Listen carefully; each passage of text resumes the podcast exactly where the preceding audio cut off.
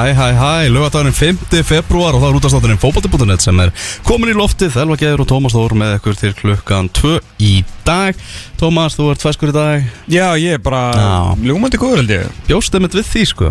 Nú, okkur, þetta er februar það Það ert að venjulega bara nokkuð, nokkuð góður á lögadagsmotnum Já, það er líka, sko, vind hefur náttúrulega lægt. Ég var ekki góður svona klukkan tíu í morgun þegar ég held að uh, við þurftum mögulega að fara að elda bara, sko, þak, uh, hérna, rennurnar bara af húsinu, sko. Ah. Veist, þetta er, uh, ég ætla bara að vera heiðalegu með það, það að mér finnst að komi nóg af uh, óveri í billi Já, En það er bara ég, sko. Ég er Það, það er bara ég. Nei, ekki bara þú, Já, ok, ok, það er líka ég. Ok. Herðu, það er byggarhelgi á Englandi. Mannsættur nættur og leik Töpuð fyrir Middlesboro í gær.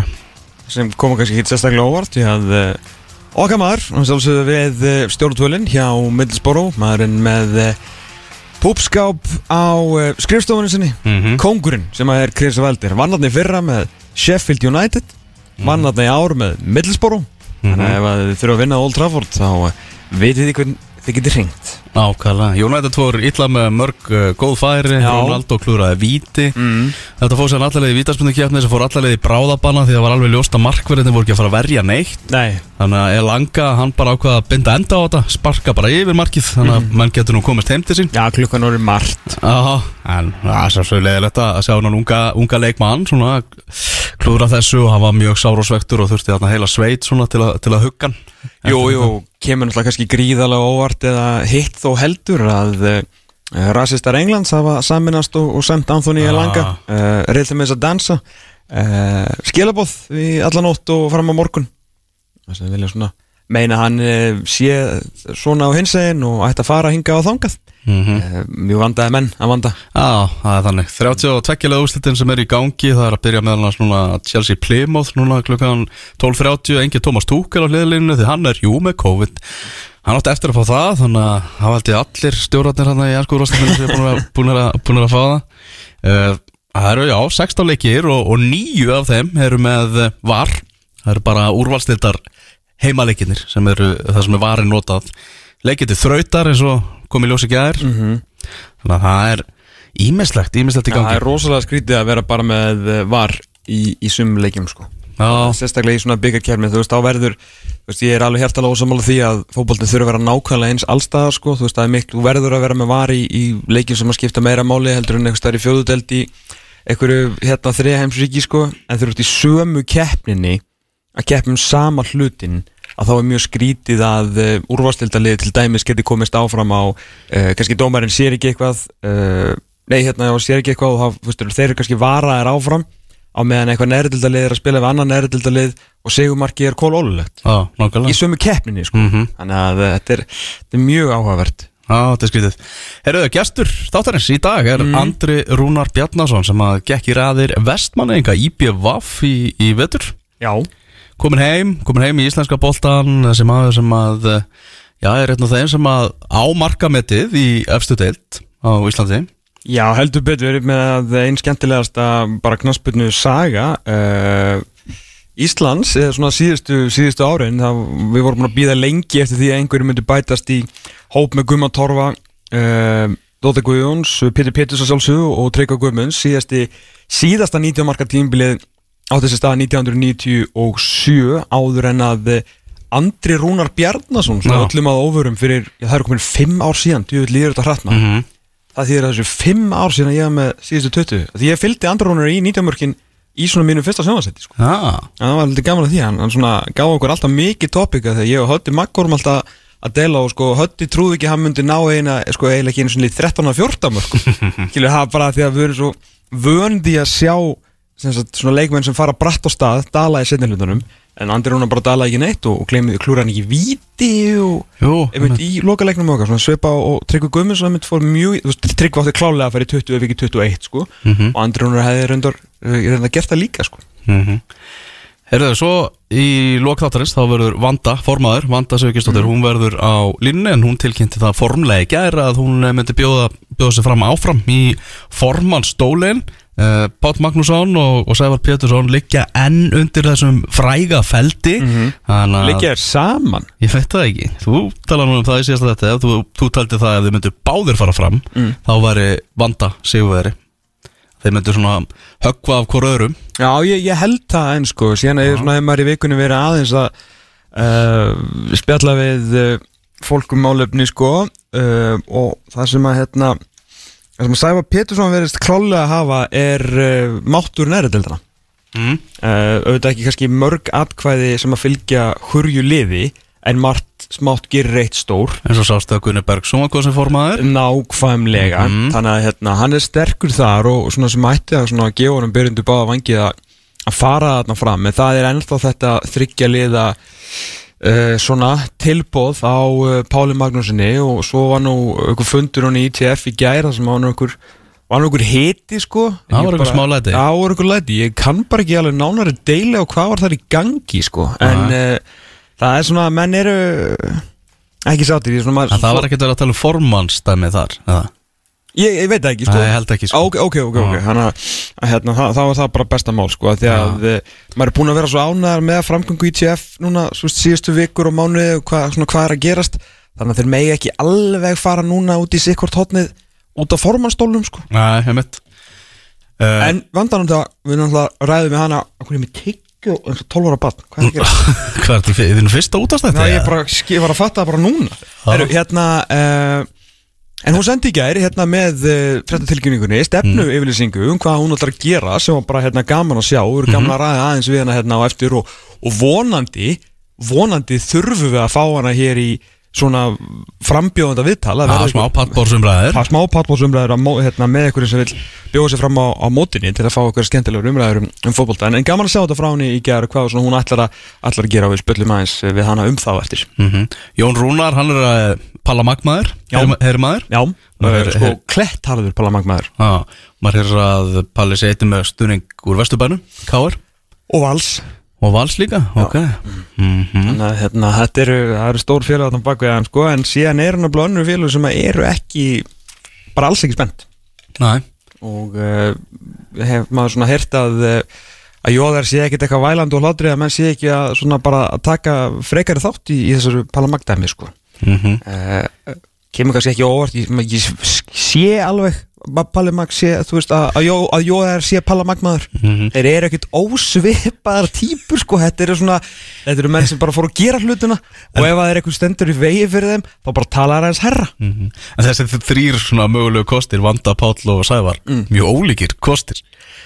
Já, en allir bara frekar spennandi á, á sinn hátt sko, Já. þú veist, vandan alltaf kemur einhvern veginn svona, ég veit ekki, svona aðeins svona Mætir inn í storminn. Já, svona kemur svolítið baktir með inn í þetta og kannski ósangjart að segja þetta með hennar knaspinnuferil og, og, hérna, og þjálfuranferil og allt það en svona kannski verið í öðru upp á, upp á síkasti en, en eins og við sáum í gæra svona með svolítið skýra stefnu og hvað hún vil gera eh, svo með hérna Sævar sem er náttúrulega bara landsbyðar maður og hérna og búin að vera í græsrótunni í framkvæmdastjórn hérna, ekki í framkvæmdastjórn, vera framkvæmdastjóri í KA þannig að hann er með, þú veist, græsrótuna alveg bara on lock en samt líka að stýra þetta tveimur uh, úrvastildafélögum þannig að, eða svona, þú veist, kannski minna í, í Þór KA en allan að knöspinu félag Akurra sem er náð hérna góðum ár, hérna, árangur upp á síkastíð Og mjög ábyrnandi bara í fótbolta umræðinu undan fyrir ár. Verulega, verulega og svona og lætur sig hérna og segir bara hlutina og bara svona rödd sem að, sem að skiptir hérna okkar fótboltasamfélag máli.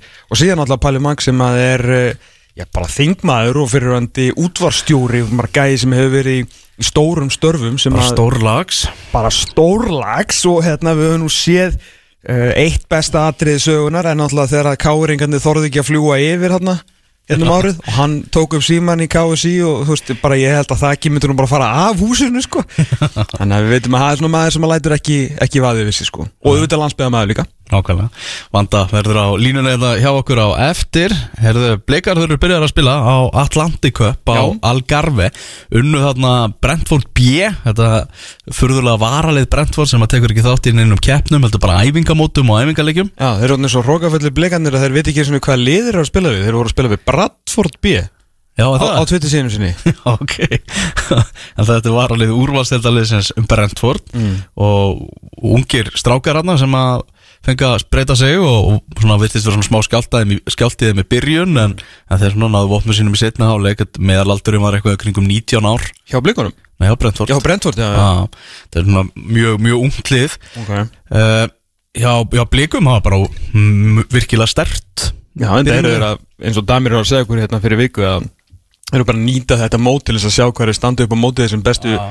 Európuliðum, ég veit kannski að- að Bradford B er ekki, ekki beint þar en, en, hérna, en hinliðin svo sannlega stór. Já, Anton Lógi Lúðvíksson í byrjunlegin hjá blikum hann var svona að skemmtilegast í þeirra, þeirra byrjunlegi Já, ríkala efnilegu strákur uh, 2003 mótel láni á afturhildingu í fyrra og var svona búin að vera svolítið verulega opinn með meðsli upp á, á síkasti en, en svona ég, hvað sá við hann tvisvar held ég allavega live uh, auðvitað rétt, mm allavega við tver tvisvar, ekki minn, eh, og svo náttúrulega horfði ég líka á, já, á hérna YouTube eða þú veist þarna lengi deildar sjónvarpinu Grindavíkuleikurinn, það sem var alveg frábær auðvitað rétt og síðan uppi og móti fram og þannig að það er, er rosalega margt í þeim strák heldur betur. Gaman að sjá hann hann að uh, spreita sig. Uh, Damir skoraði, komur hann náttúrulega ekkert óvart því að hann er bara hefð fyrir því að þeir sem koma í hingaði þáttin, þeir skora bara í næsta leika eftir. Og þeir sem tækir upp síman að ferillin þeirra fer nú oftast bara í vaskin og enn og aftur heldur hann áfram að skora ekki með skalla kláraði þarna vel úr, í, úr tegnum mm -hmm. talaði um, um það í þetta um þetta síðast að alls er langt séðan hann hefur skorað skallamark svona á gamla skólanum. Já, það er bara, gerist bara þegar mæti fylki. Já. Við erum vonda fylki náttúrulega Nákvæmlega, Kristi Steindorsson með annar mark blika komum í 2-0 og það var stórglæsilega gert hjá hann það var bara svona, mikið tala um það að blikum vanti, vanti nýju, þetta var svona algjört nýju mark hjá, hjá Kitta Steindors uh, Anton Ari var frábær í þessum leik Evrópu tóni eins og við getum kallað hann. Markverðið blika var náttúrulega svona átti hvað sína bestu leiki fyrir breyðarblik og síðast tíðanbili í sambandsdeildinni. Já, hann, var- hann var svona eftir bröðsugabyrjun síðasta tímabil þá var hann byrjar að, að hérna, rétta sig við mm. kom á smáflugi svona inn í Európuleikina og eftir það var hann bara amazing Já, Skilur, það er svona virkilega náðan sjálfstyrstun sínu aftur og var bara frábær og hefur bara verið frábær síðan. Nákvæmlega og elskar, elskar greinilega Evrópu átti frábæra vöslur átti í lokin átti í tvígang svona tvöfalda vöslu Það náttúrulega Tvisar bara svona tveir. Það er þetta geðvett sko. ah. Það er náttúrulega mikil ferða svona, það er mikil ferða gen í honum. Þú veist, Hanna Sím Maggi, þetta er mikil ferða fjölskylda Þannig að hún líður vel á meilandinu Hanna Sím var sjálfsögðu í stúkunni? Nei. Jú, jú. Æ, Akkur segir nei að sjálfsögðan í stúkunni? Hún fór sko til Katar að að eldan sko Þannig að að fara Það er eitthvað til. Portugal Það er bara skotúr sko. Þannig að blikar mæta Midtjylland annað kvöld og sá leikur einnig í beinni útsettingu hjá Stöðtur Sport eins og allir leikir blikar í þessu, þessu móti Atlantic Cup. Það er þannig. Herru, svo er það meira Kai Leo að skora fyrir Víkinga í gær. Já. Kai Le- Kai Leo í Bartastofu án félags. Mhm. og hann hefur eitthvað verið að æfa með Víkingum og skoraði mark. Getur við séð Kai Leo með Íslands og byggamestunum Víkings í rumar uh, Mér finnst það ekkert ólíklegt. Mér er aldrei vond uh, fyrir mann og reynslu að, að setja einnig Samuel í, í æfingarleika mútið öðru úrvarsleitaliði og, og svona Arna Gullinsson hefur talað um það og, og hérna maður veit að að vikingarnir er að leita frekari leiðstyrk svona framar á völlin uh, og Kæli er náttúrulega með náttúrulega gríðarlega hæfileikaríkur þá hann sé kannski uh, ekki átt svona kannski sín bestu tvö ár uh, upp á síkastið en, svona gæði sem að getur tekið menn á og vil spila og getur spila vel í góðum fótbolta og með mörg í sér, getur bæðið náttúrulega þú veist, lúm, verið lúmskur og fjær og svo þetta skoti fyrir utan eins og vikingarnir fengur náttúrulega að kenna á bæði, sko bæði honum á fjær og þrjusumarki í fyrra sko, hann skoraði báðu leikjunum Ok. gegn vikingi uh, hérna Það er góður gluggi, góður auðlýsingar Já, og síðan mætir hann á æfingar. Uh, Ég er endur ekkert að vita hvernig hann hefur staðið sig þar en fer inn að leik og skorar. Þannig að ég veit til þess og, og svo sem allir uh, sem að eitthvað vita um íslenska boltan vita að, að launakröfur hans eru vel upp í skíunum mm og sem er eina af ástæðunum fyrir því að hann hefur ekki uh, fengið neðsta lið því að það alltaf getur rétt ímyndaðar að það væri öll 12 liðin meir og minna, ef ég að segja 10 og 12 allavega, alveg tilbúin að vera með kæli og að minnstakosti í svona sem fyrstu 13-14 Mhm. menn hann er alveg það góður þó hann hafi ekki, ekki kannski náð sér á flug með valsmönnum í fyrra ekki frekar hann að valur náði sér á flug. En uh, það er enginn að fara að borga það sem hann hefur hérna sett upp allan ekki svo staðnir þannig ég áttum ekki alveg því sko hvort að hann uh, bara átti sig ekki alveg á að markaðurinn er ekki alveg þannig fyrir hann eða hvort að hann sé að býða og hann og umbásmörnars að býða eftir einhver taki, þú veist, í rífi í panik takk hann skilur bara, þú veist, það er hérna hvað voru 80 dæri mót síðast, þannig að það hljóta að vera 73 dagar í mót núna. Að þegar að vera kannski 40 dagar í mót og eitthvað liðið er bara, heyrðu okkur, við verðum að fá okkur mann fram. Þá kemur Kæli og bara pay me. Já, það að býða til panikinu. Já, Já, þannig að þú veist og það hefur hef Já. svínvirkað hjá bara mörgum. Sko. nákvæmlega. En hérna, en það er náttúrulega aðeins búið að lo- losa af hérna, launanskrani hjá, hjá vikingunum og náttúrulega miklu erugupenningar að koma inn búið að selja allar barka þannig að ég held að er mín menni alveg, alveg seðil fyrir, fyrir kæin, ég veit að þeir ætla ekki að taka hann á á þessum svona, allan þessum fyrsta prís sko. Já, nákvæmlega. Það er svona, Arna Guðlust er líka að tala um það. Þeir sæk, vilja ekki sækja útlendinga nema það séu svona fyrsta flokks. Já, já. Það sé svona hugsunin, menn að hvað með ký fær ekki samning áfram hjá, hjá vikingum Nei, einmitt, mm. -hmm. okkur, er, er hann ekki komin í eitthvað lið Já, það er góð spurning sko. Hann sé að kannski nýta sér afkvæmgluggan bara að koma sér eitthvað af Íslandi. Já, nákvæmlega. Selja þessi núna sem, sem varnatengilið á miðunni Já, Það er eitthvað nýtt sko. Herðu, úrslitaleikur B-deldar fótbolta.net mótsins er í dag. Stjarnan vann A-deldina núna fyrir rúmri viku. Þau lögðu breyðablik í úrslitaleik. Nú er það Selfoss afturölding sem verður í kórnum í dag klukkan 5 og uh, að að sjálfsög þá bara hendum við sér inn. Fyrst að já, ís íslenska vetrarveðrið þegar að láta að sig kræla. Já, Leikurum verður einnig beint á Selfoss TV á YouTube. Fyrir það sem vilja horfa á þann leik, flottu leikur, Selfoss afturlending já verulega flottur sko. Uh, og en að þú myndist á, á stjórnuna þá náttúrulega voru félagskipti þar líka, þeir svona halda áfram að vera svona gera spennandi hluti.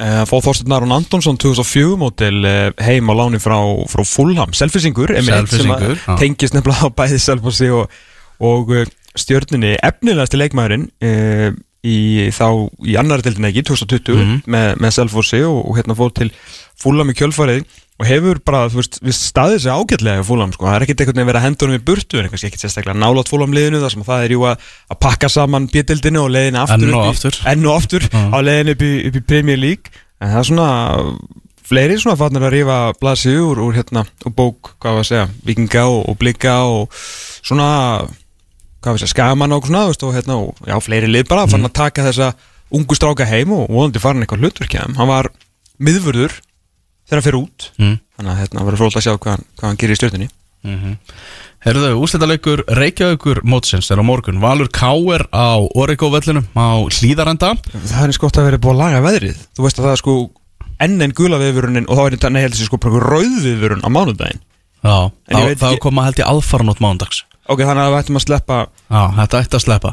Okay. En Káer allavega vann fram þarna 3-1 Það var svona leikur upp á það hvort liðið færi í úrslitaleikin Já, það er ekki sérst undanúslit í ár því mér, því að undanústaleikirnir í Reykjavíkubikarnum hafa verið verulega skemmtilegir og góðir Já. fótballtaleikir, góðir prísinsóleikir en nú er bara spilað, nú voru náttúrulega bara fjögur og fjúlið þar sem að leiknum tók í þátt og nú er bara spilað um, um sæti sem er þá væntalega því að það er búið að íta öllu fram byggar náttúrulega bara byrja í vikunni. Já, nákvæmlega, er mikið af fresturum náttúrulega á og núna. COVID-frestanir, þannig að það hefur, hefur líka, líka sín áhrif. Mm Framarar komist yfir hann á móti káringum á Jægirsvöllinni á 16. mínútu, Gumi Magg sem að skoraði Stefán Ótti Gesson jafnaði fyrir káringa og þá voru séðan Kristinn Jónsson og sveitastrækjarinn Sigurður Bjartur Halsson sem að skoruðu. Uh, Sigurður Bjartur verður með káringum í sumar, hann var með svona ákvæði ef að kemið tilbúð sem hann var í spenntu fyrir Erlendis frá, hann var eitthvað að þreyfa fyrir sér í Östur-Evrópu og, og eitthvað. Mjög skemmtileg pæling. Já, nákvæmlega. Uh, Þá mætti hann fara En sá er núna lokaður Þannig að nú er það bara KR Nú er hann bara einbættislega því að, spila fyrir KR Þessi vinnu sami leikmaður Sem var frábær með grindvikingum Í lengjadildinni í fyrra mm -hmm. uh, Áhugaverðast svona í byrjun að liðunum Það var hérna Í fyrrum, fyrrum daginn þá hitti ég aðstofaþjálfara framara Aðalstein Aðalsteinsson. Mm. og þá svona sagði hann hvað eru þið ekki að leita lóðandi ljósi að, að miðverði? Og hann sagði við erum með flotta breytti í hópnum og við erum með nóga miðverðum og, og allt það. Við vorum ekki með nóga miðverðum allavega samt í, í þessum leik því að Þórir Guðjónsson spilaði í Hafsen. Mm hann var í miðverði í leiknum og svona Sæpill spurði hérna Nonna Jón Sveinsson eftir leiking hvort þetta getur verið eitthvað sem við sjá í sumar. Hann svona glotti svona já já við bara býðum að sjá um og eitthvað. En ekki lofa því að Þóri Guðjónsson verður ekki í miðverði þegar að Íslandsdeildin byrjar. Ég held að við getum alveg útilokað það. Nei. En uh, já það var allavega það var hérna hérna að því að þessi leikur, ég ætla bara ekki að ljúga því þessi leikur fóra aðeins hérna framhjá mér. Mm, þessi þetta gula og gulrauða á Alice Frey Elísson eftir að koma inn á sem varamæður á fjórum mínúndum já.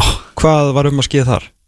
bara tvö gul, bara tvö pjúra gul á, á, á stundum tíma sko. Já, bara brot og Já, Já, ok, Já, þannig að þetta var já, ekki kannski það, það skilsamlegasta en uh, þetta var hörkuleikur sem að búið var upp á í, í eigilsöldinu og eins og þú segir Valur Káur á morgun í úslitum en talandu um framara þá fór ég nú í heimsó til framara í vikunni. Mm. ég fór og, og kíkti á þetta nýja svæðu þeirra í Úlfarsárdal. Og ég svona bjóstu því að þetta er því svona skot heimsó, bara aðeins að kíkja á, já, þetta lítur vel út til okkur og, og búin að ringi Dada Guðmundsson, herra fram. Mm og er þessi, þetta var heimsók bara upp á eitthvað klukkutíma og 20 mínútur eða? Ok, eitthvað. ok. Þegar það var nóg að skoða. Og þetta er bilað sko, Þú alveg þar já. bara þetta er bara flottasta sem að bara Íslands félagi með sko, Það er Já. Þetta flottar en kringlan hjá valsmönum já. Ok. En hvað var þetta komið langt? Ég átt eftir að kíkja á þetta hér. Já, það var uh, sko eins og staðan er núna þá er ennþá stemt á því að uh, fyrst, í fyrstu umferð þegar uh, fram og káir eigast við að sá leikur verði þarna á þessu velli. Ok. Stúkan verður klár, klefarnir verða klárir og alltaf eina spurningin er bara með gerfigrassi sjálft. Það er ekki búið að leggja það. Sem er raun og verið það sem skiptir mestum máli. Já, þeir sem sjáum það, þeir segja já, við verðum klárið með þetta. En það, við þekki, þekkjum íslenska framkvæmdir. Og þetta veður er ekki hjálpa til. Nei, Leggur ekki gerugras í, stormi. Þannig að þetta mun kannski taka taka einhver tíma. Þannig að við skulum, við skulum býða og sjá. En það er alltaf ennþá stemt að því. Uh, varavöllur er Savamýrin mm uh, þannig að þeir munu jafnvel byrja þar kannski fyrstu tvær umferðið þannig það mögulega. Uh, gæti verið að leikur á móti þínum ennum í Víkingi verði víksluleikur á, á nýjum velli. Ok. En bara sjá allt þetta unit og, og bara vellina sem eru að fá grassvæðið þarna. Fó, þú veist, En er það ekki tilbúið per se skilur, veist, Nei, nei. veist, þetta er ennþá bara veggir og steipa og þannig. Já, það komið parkett og parkett og flýsar og þetta er svona að byrja að taka á sig mynd. En fóstu eitthvað inn í handbóltahúsið það? Já, Og er það eins og klift út úr hérna 80s svona austurblokk eins og var í hérna Sérst þegar myndirna komið fyrst af þessu Mhm. Það var sínd svona mynd, skilur svona þrývita tekning inn í sérst handbóltahúsið Og liti, lita palettan Þetta myndi mig bara á svona Ísland, Júgoslavia í handbólta Eitthvað staðar í Sarajevo svona 1988 Og ég var svo ánægð með þetta var svo Já. geggjaður retrofílingu sko. Það er ekki alveg komnir í það sko. Þetta, Nei, var, þetta er svona ennþá, ennþá Já, Náttúrulega leikur kannski aðeins minna á því að, að handbóltahúsið veri klárt. Vissulega. Og, og hérna En þetta er svona mörguleiti svona svipað og hlýðanenda Því leiti að, þú veist, íþróttasalurinn hérna fyrir aftan stúkuna. Þannig að það sem minnir, sem minnir á það sko.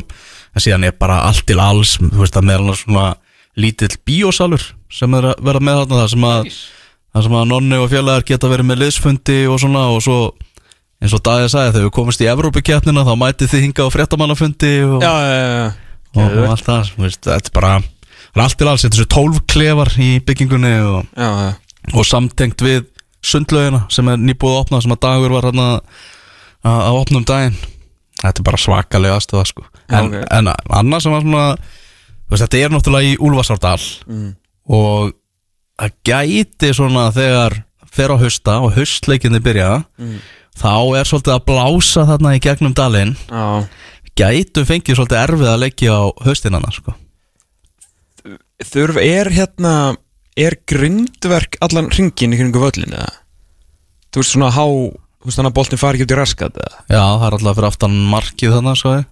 Svona spáði hvort að menni að fara í einhverjar, leikfumi bara með að, veist, að festa eitthvað tjald sko sem að geta þó líka bara verið auglýsing til þess að reyna að hamla vindinum þannig að það verður ekki gama fyrir neittna sjá boltan fjúka þarna bara eins og við séum á skagana þá að byggja sko knatthús þarna Mm. þeir höfðu hugmyndina að knatthúsi myndi loka jafnvel fyrir aftan annað markið sko.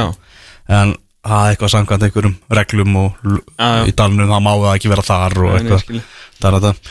Þannig að það er eins og það er En þetta, þetta verður algjör bylting fyrir framara að, að fá þetta svakalega svæði sem þannig verður að, er að rísa sko. Já, þeir hafa ekkert beðið neitt svo lengi eftir þessu Það er svolítið búið að svelta framara Það var svolítið komið tíma þá Við þurfum að viðkynna það Já, já, algjörlega, og þetta er bara verið frábært að sjá þetta og vonandi fyrir þá, þá geta það líka búið til uh, fótbollalið uh, í flörtulu sem að svona verða þá að spila á þessum velli í efstu deildum, sko. Mm uh, Jón Þór Hauksson, hann er tekin við Ía. Já, hann tók við skagamönnum keiftur frá vestra. Já, ég Nú- kallaði þetta ekkert eðlilega lítið hérna fyrir viku síðan sko. Já, já, það var bara þannig. Ég menna þegar við settum saman á .net hérna, hverju getur tekið við í að það var ekkert að ástæðu lausu sem vorum með Jón Þór Hauksson efstan á, lista þar sko. Nei, og hjálpaði náttúrulega sérstaklega að Knöspunni samband Íslands þurftu auðvitað að borga skagamönum það var, það var mjög eðlilegt að það væri til ykkur selar til þess að uh, ná sér inn nýjan þjálfara. Já, og uh, þeir sem að koma náttúrulega vest út úr þessu er náttúrulega já, fínt fyrir og gaman fyrir Jón Þóra að fá þarna að fá starfið hjá, hjá sínu félagi. Og menn eru fljótir að gleyma svona þegar sendna er, er komið að borðinu að hann náttúrulega er basically búin að vera í fílu úti í að síðan að hann fekk ekki starfið hérna á sínum tíma sko. En hérna, en hérna sár gróum síður og allt það og hann náttúrulega er bara, veist klálega tilbúinir í starfi myndum maður halda núna. Búin að stýra kvennalandsliðinu, búin að uh, gera frábæra hluti með vestra þannig að það er bara tilbúinari í þetta heldur en að vara á, á sínum tíma. Getur ekki hann að verið, menna árin líða og, og mennirnir hérna uh, safna sér þekkingu og reynslu. Þannig að það verður mjög fróld að sjá hvað hann gerir og, og, líka hann hefur ekki mikinn tíma til að setja sinn uh, svip á liðið því að þetta er búið að vera bara stift í jóakala móti núna í ykkur fjögur fimm ár. Uh, og hann er bara átt þetta allt saman, verið bara með aðstóða þjálfara sem að hafa að því virðist svona allan á utan svona þegar maður kíkir inn um klukkan afskaplega lítið um hlutina að segja. Uh, þannig sé sko, hún verður örugglega eitthvað móðgæður en veist, þetta er bara þannig, þetta er bara Jóa Kalla stimpillin á þessu liðu og hann er bara séð um þetta og síðan leikmennina og meiri segja sko, lagt pening sjálfur inn veist, til þess að, græja hitt og þetta. Veist, hann er bara með hérna, raut og raut, með guld og svart hjarta sko Já, þetta hjálpa alveg að Jón Þór Hauksson er búin að sjá nánast alla leiki skagamanna og þú veist, aðstóða þjálfara teimið er það sama, laug er áfram og allt Já, já, þannig. en hann þarf samt að vinda ofan af skilur þeim hlutum sem að hann vill ekki sjá því að það er ekki svo skæðin hefði verið hérna drögnandi einhverju stigum í fyrra sko. Já, en gleymum því þá ekki að hann var mjög fljótur að ná tökum á vestraliðinu mhm. og gerði bara stormandi lukku þar sko. þannig að hérna, þetta, er, þetta er spennandi og það er líka alltaf fínt að sé bara skaga með að þjálfa skagan Mhm. en þessi kom vest út úr þessu, þetta vestri. Já, þetta er slæm staða fyrir vestra sem allir sem náttúrulega upp að þannig.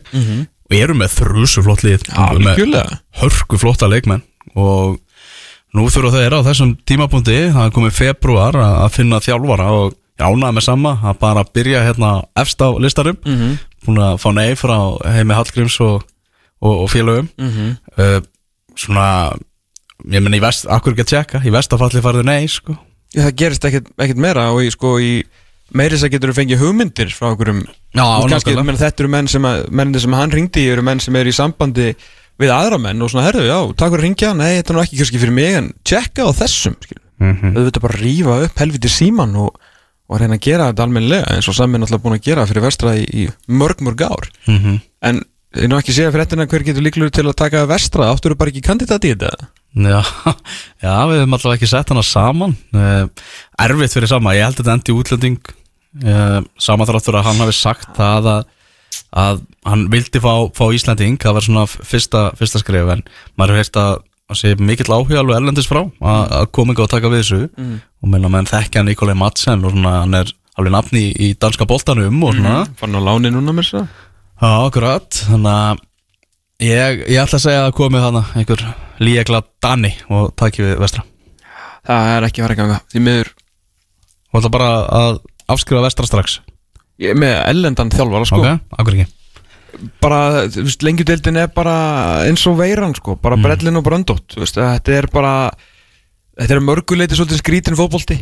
Og þetta lið er náttúrulega samansett af eh, bara svona málaliðum í raun og veru hérðan og þaðan og þá þarf bara mann sem að er, sko, þó að myndi ná sko tökumeld á liðinu, þá veit ég hvort hann myndi ná tökum á bara bara konseptinu, bara þú veist, einhver erlendu þjálfari á Ísafyrði í lengjudeldinni ég bara hef ekki séð þetta virka og ég held að bara mun ekki virka með svona lið, þarf bara einhvern mann sem er í miklum tegum og veit bara þegar þú ert að fara eitthvað, þú veist, hvaða liðir þú veist, þú ert að fara á þrótt vógum og bara, og veist hvernig þeir spila og hvað, veist, hvað þeir alltaf gera núna. Veist, og kannski aðeins öðru sem segjum að hemmi væri með þróttarana. Mm. þú veist, af því að þú þá vist alveg hvað þú fara að gera. Þú ert bara að fara í vógana það er bara lamið í hérna í varamannabekkina, það er bara breska stemningin, það er bara tækla og djöfulgangur skilur og þá er svolítið að stilla liðið þitt eftir því.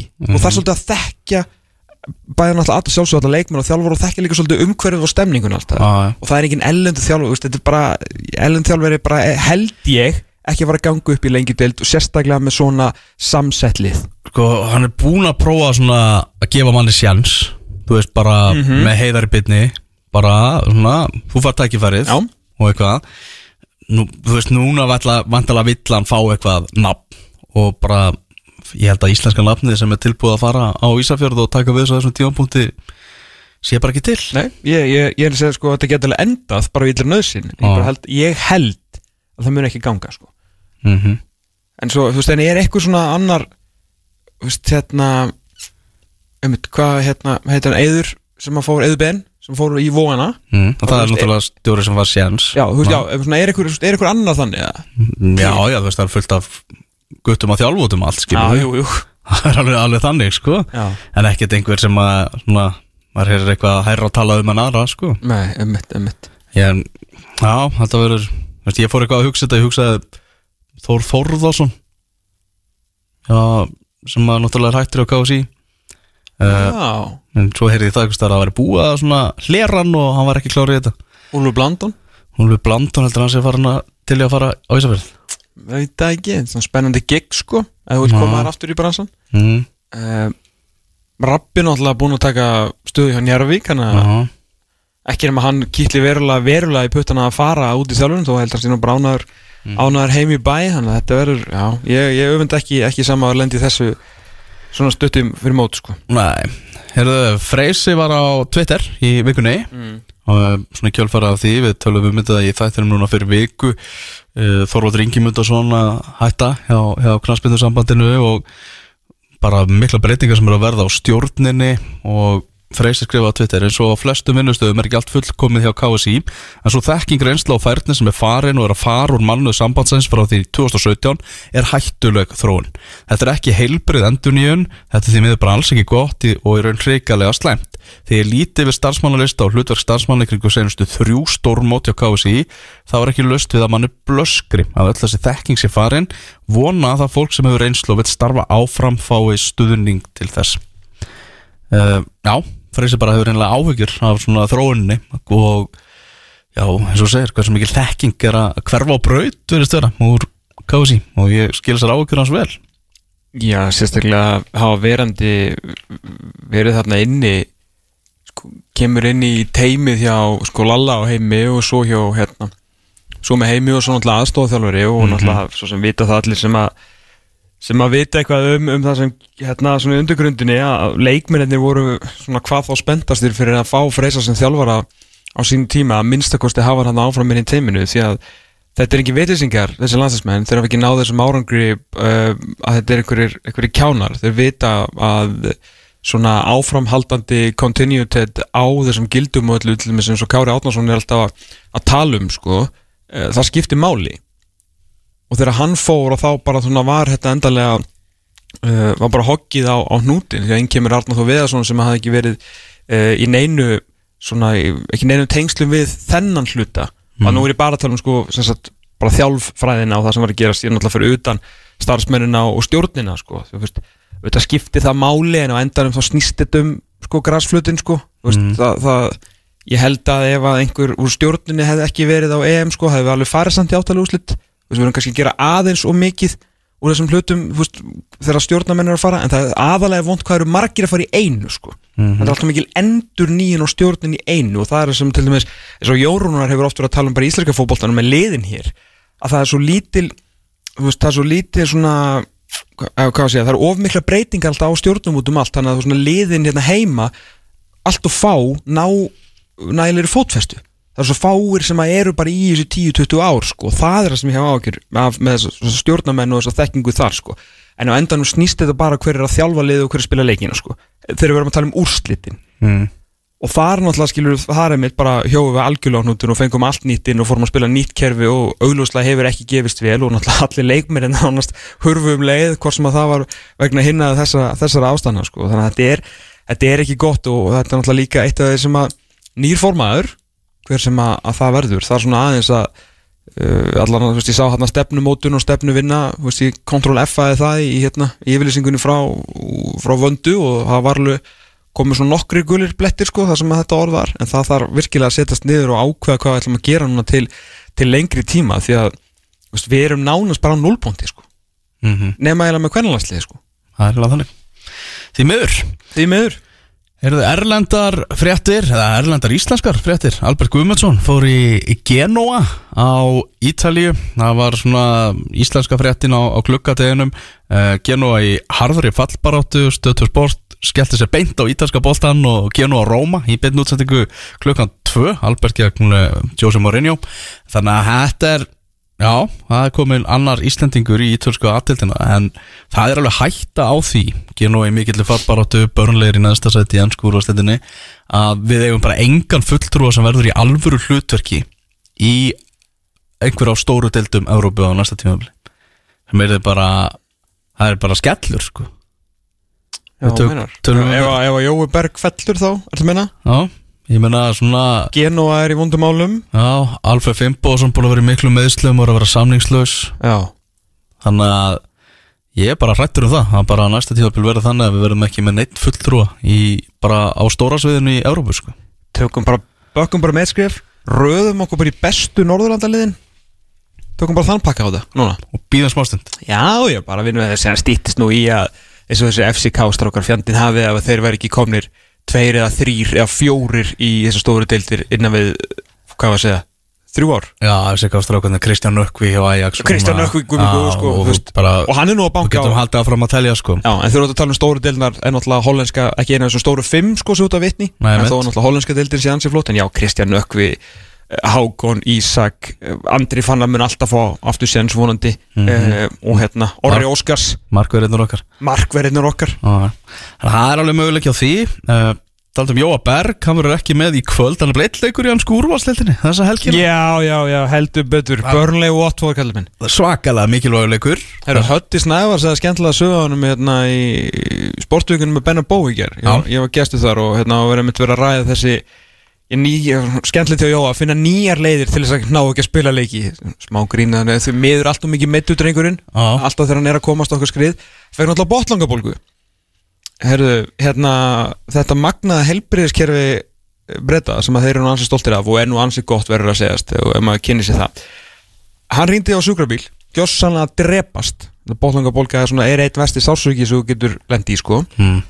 Herru, það kom engin sjúkrabíl þannig að hann tók Uber á sjúkrahúsið. Það er þetta mitt dröllu gott sko. Þetta er svo mikill íslendingur bara alltaf geta að býða hérna eftir í degi og bótlangakasti bara. Uber á helviti spílanum ánæði með Börnlega í erfiðu málum vott, Þetta er liðið náttúrulega bara í 19. og 20. sæti deildarinnar og þetta er 60 að fallegur sko. Já, það er bara þannig og, náttúrulega Roy Hodgson mættur.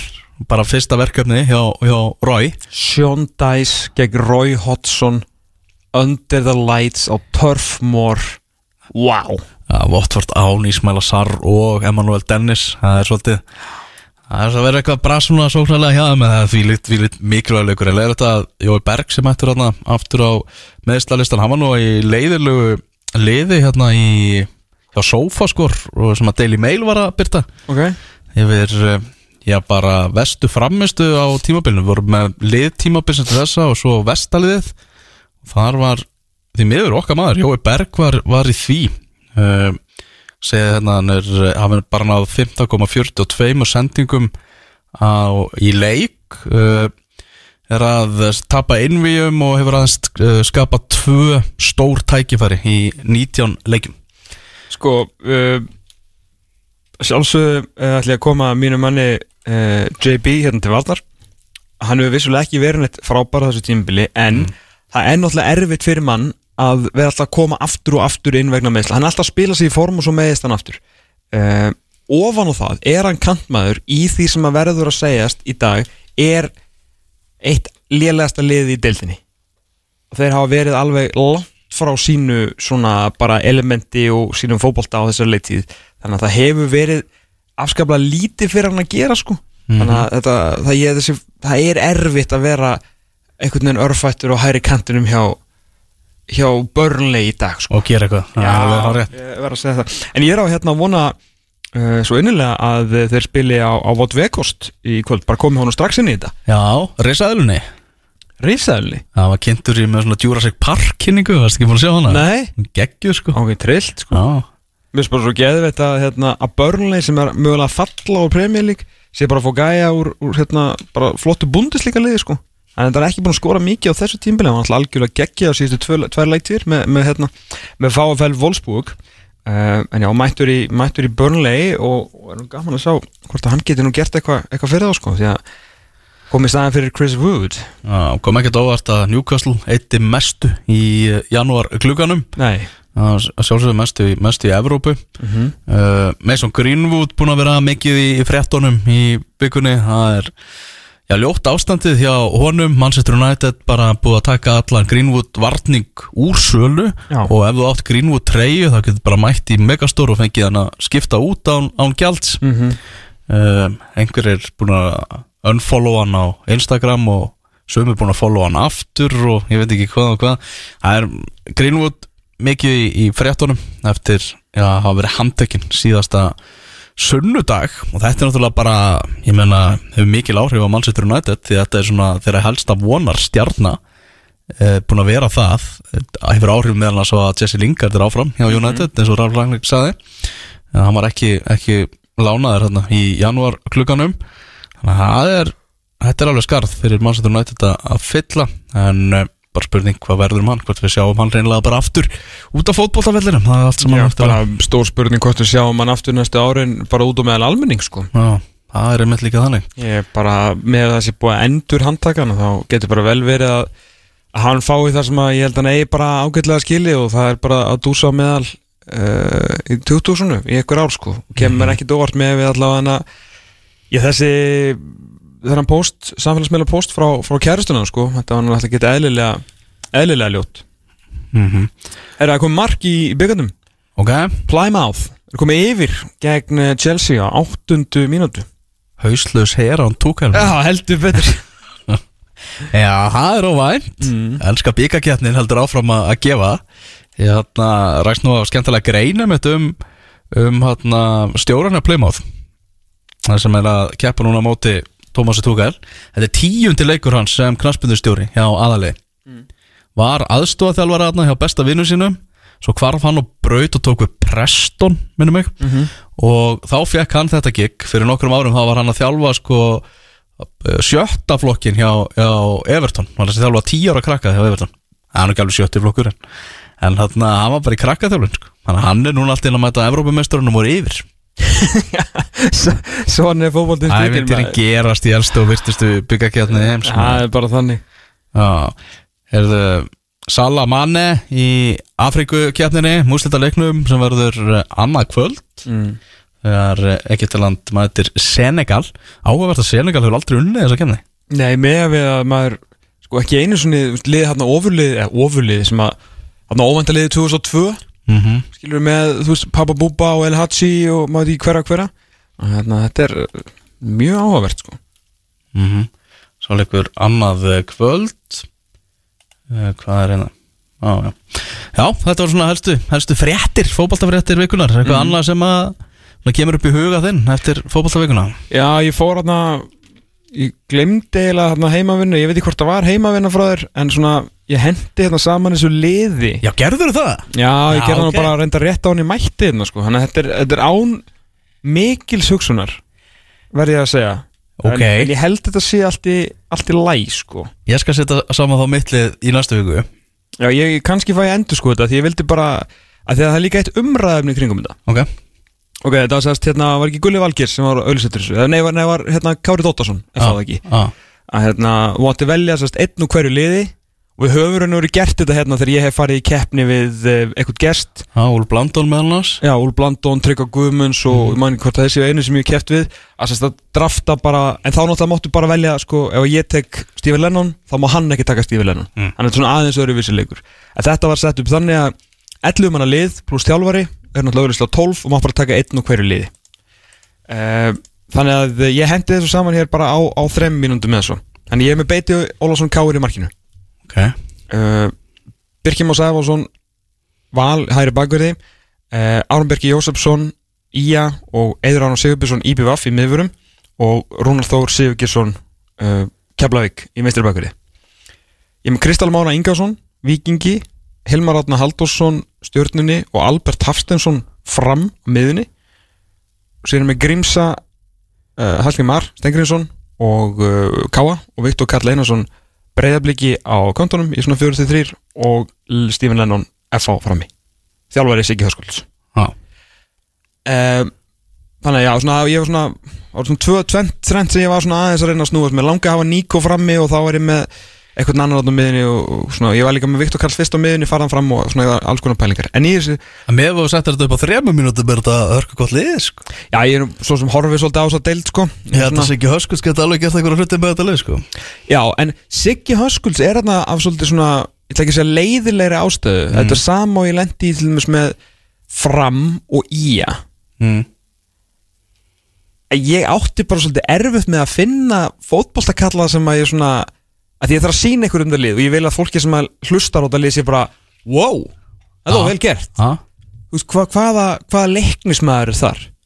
Eftir að sæfa var allir fór Það er engin wow, skilur gott lið Vel þjálfað, spennandi leikmenn En það er engin svona, já, það er leikni. Mm. Þar til að náttúrulega Mikkel Dahl vandalega verið komið tímur Þetta sjöleiki. Fram Ha, Mm. Albert Hafstens er góður Hann á eftir að sína okkur að samt aftur á já. Og síðan skæin með, þú veist, jú, þú veist að Steinar Þorsteinsson er góður að Gísli Lagsal, eða veist, efnilegur og, og þessi strákar En það er enginn í þessum þreymur liðum Og ekki svona, já, já, jú, sko, Joey Gibbs kom líka til, hérna, greina frammi hjá mér Mhm. En ég var að að nýta rúnar hann í vistri bakurinn, sko En þetta er svona Anda svolítið svona krydd í þetta, sko Já. Í þessi lið hann, sko En, en mögulega Binni hluga í staðan fyrir þú veist Árum Bjarka. Já. Það er bara, ég, mér vantaði bara einhvern veginn Ég með að stela Árubergi eða svona skástur úr að Því að sko síðan allir sem eru annars spennandi í að Eru framar á vellinum En ég vildi ekki fara að þú veist að nota þá hann Í stæðin fyrir þú veist Viktor Karl og Grímsa og Lenny og Kristal og svona sko Þeir eru ekki alveg á því leveli sko. En en Brynjar, en Brynjar Hlu versus Aron Bjarki er alveg bara skilur 50-50 Það er ekki máli Ég bara svona palið þegar ég var svona Því ég var að horfa á skagalið alveg bara Og leiknaslið og bara Nei, hver er anskotin að því að náttúrulega Gí Smith líka farin skilur svona, tveir svona leikil leikil póstatnir í leiknisliðinu Sæði var allir og Gí Smith þá er ég meina svona stjörnunar liðinu Já, ég, ég, ég fatt alveg hvað þú ert að fara Ég meina, vera endurni á sóknarlínuna Já. Óskrifu blöð þarna Einmitt, frammi og en svo þegar við tökum þetta eftir 11 fyrir þá er þetta kannski allt annað mál sko. nákvæmlega þá kannski, þú veist Danni finnst búin að fara á flug og, og, Einmitt. og, og eitthvað þannig, sko já, saman alltaf með eins og skagastrákana Steinar. Þorsteins bara negli potensiali Einmitt, sinn og gísli og allt þetta sko. Mhm, og, akkurat. hérna, en þegar ég var að lítið yfir þetta þá hafði ég samt uh, rosalega áhugjur að fram mm.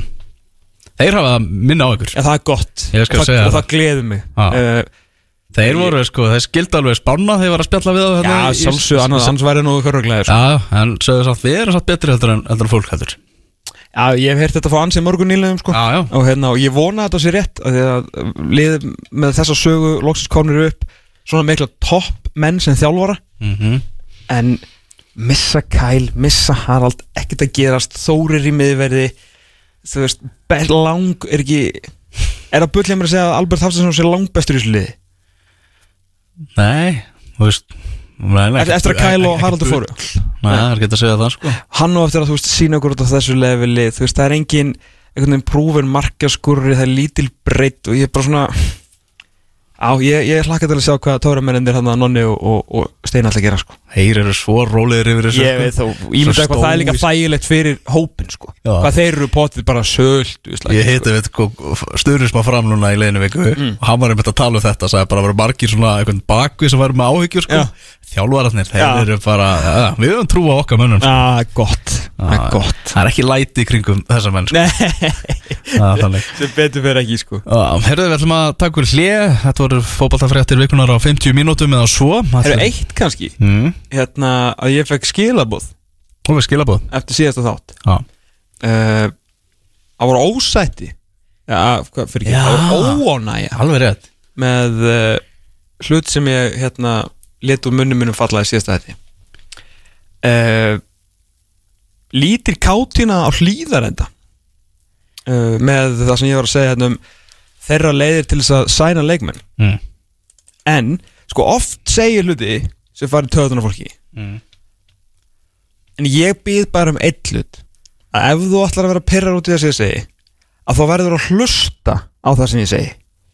Að því er ekki að rángtúlka það sem ég segi og fara svo í fílu að það var eitthvað megn að því ég vorum að tala um, mást um Hólmarörn Eyjálsson hérna fyrir viku síðan.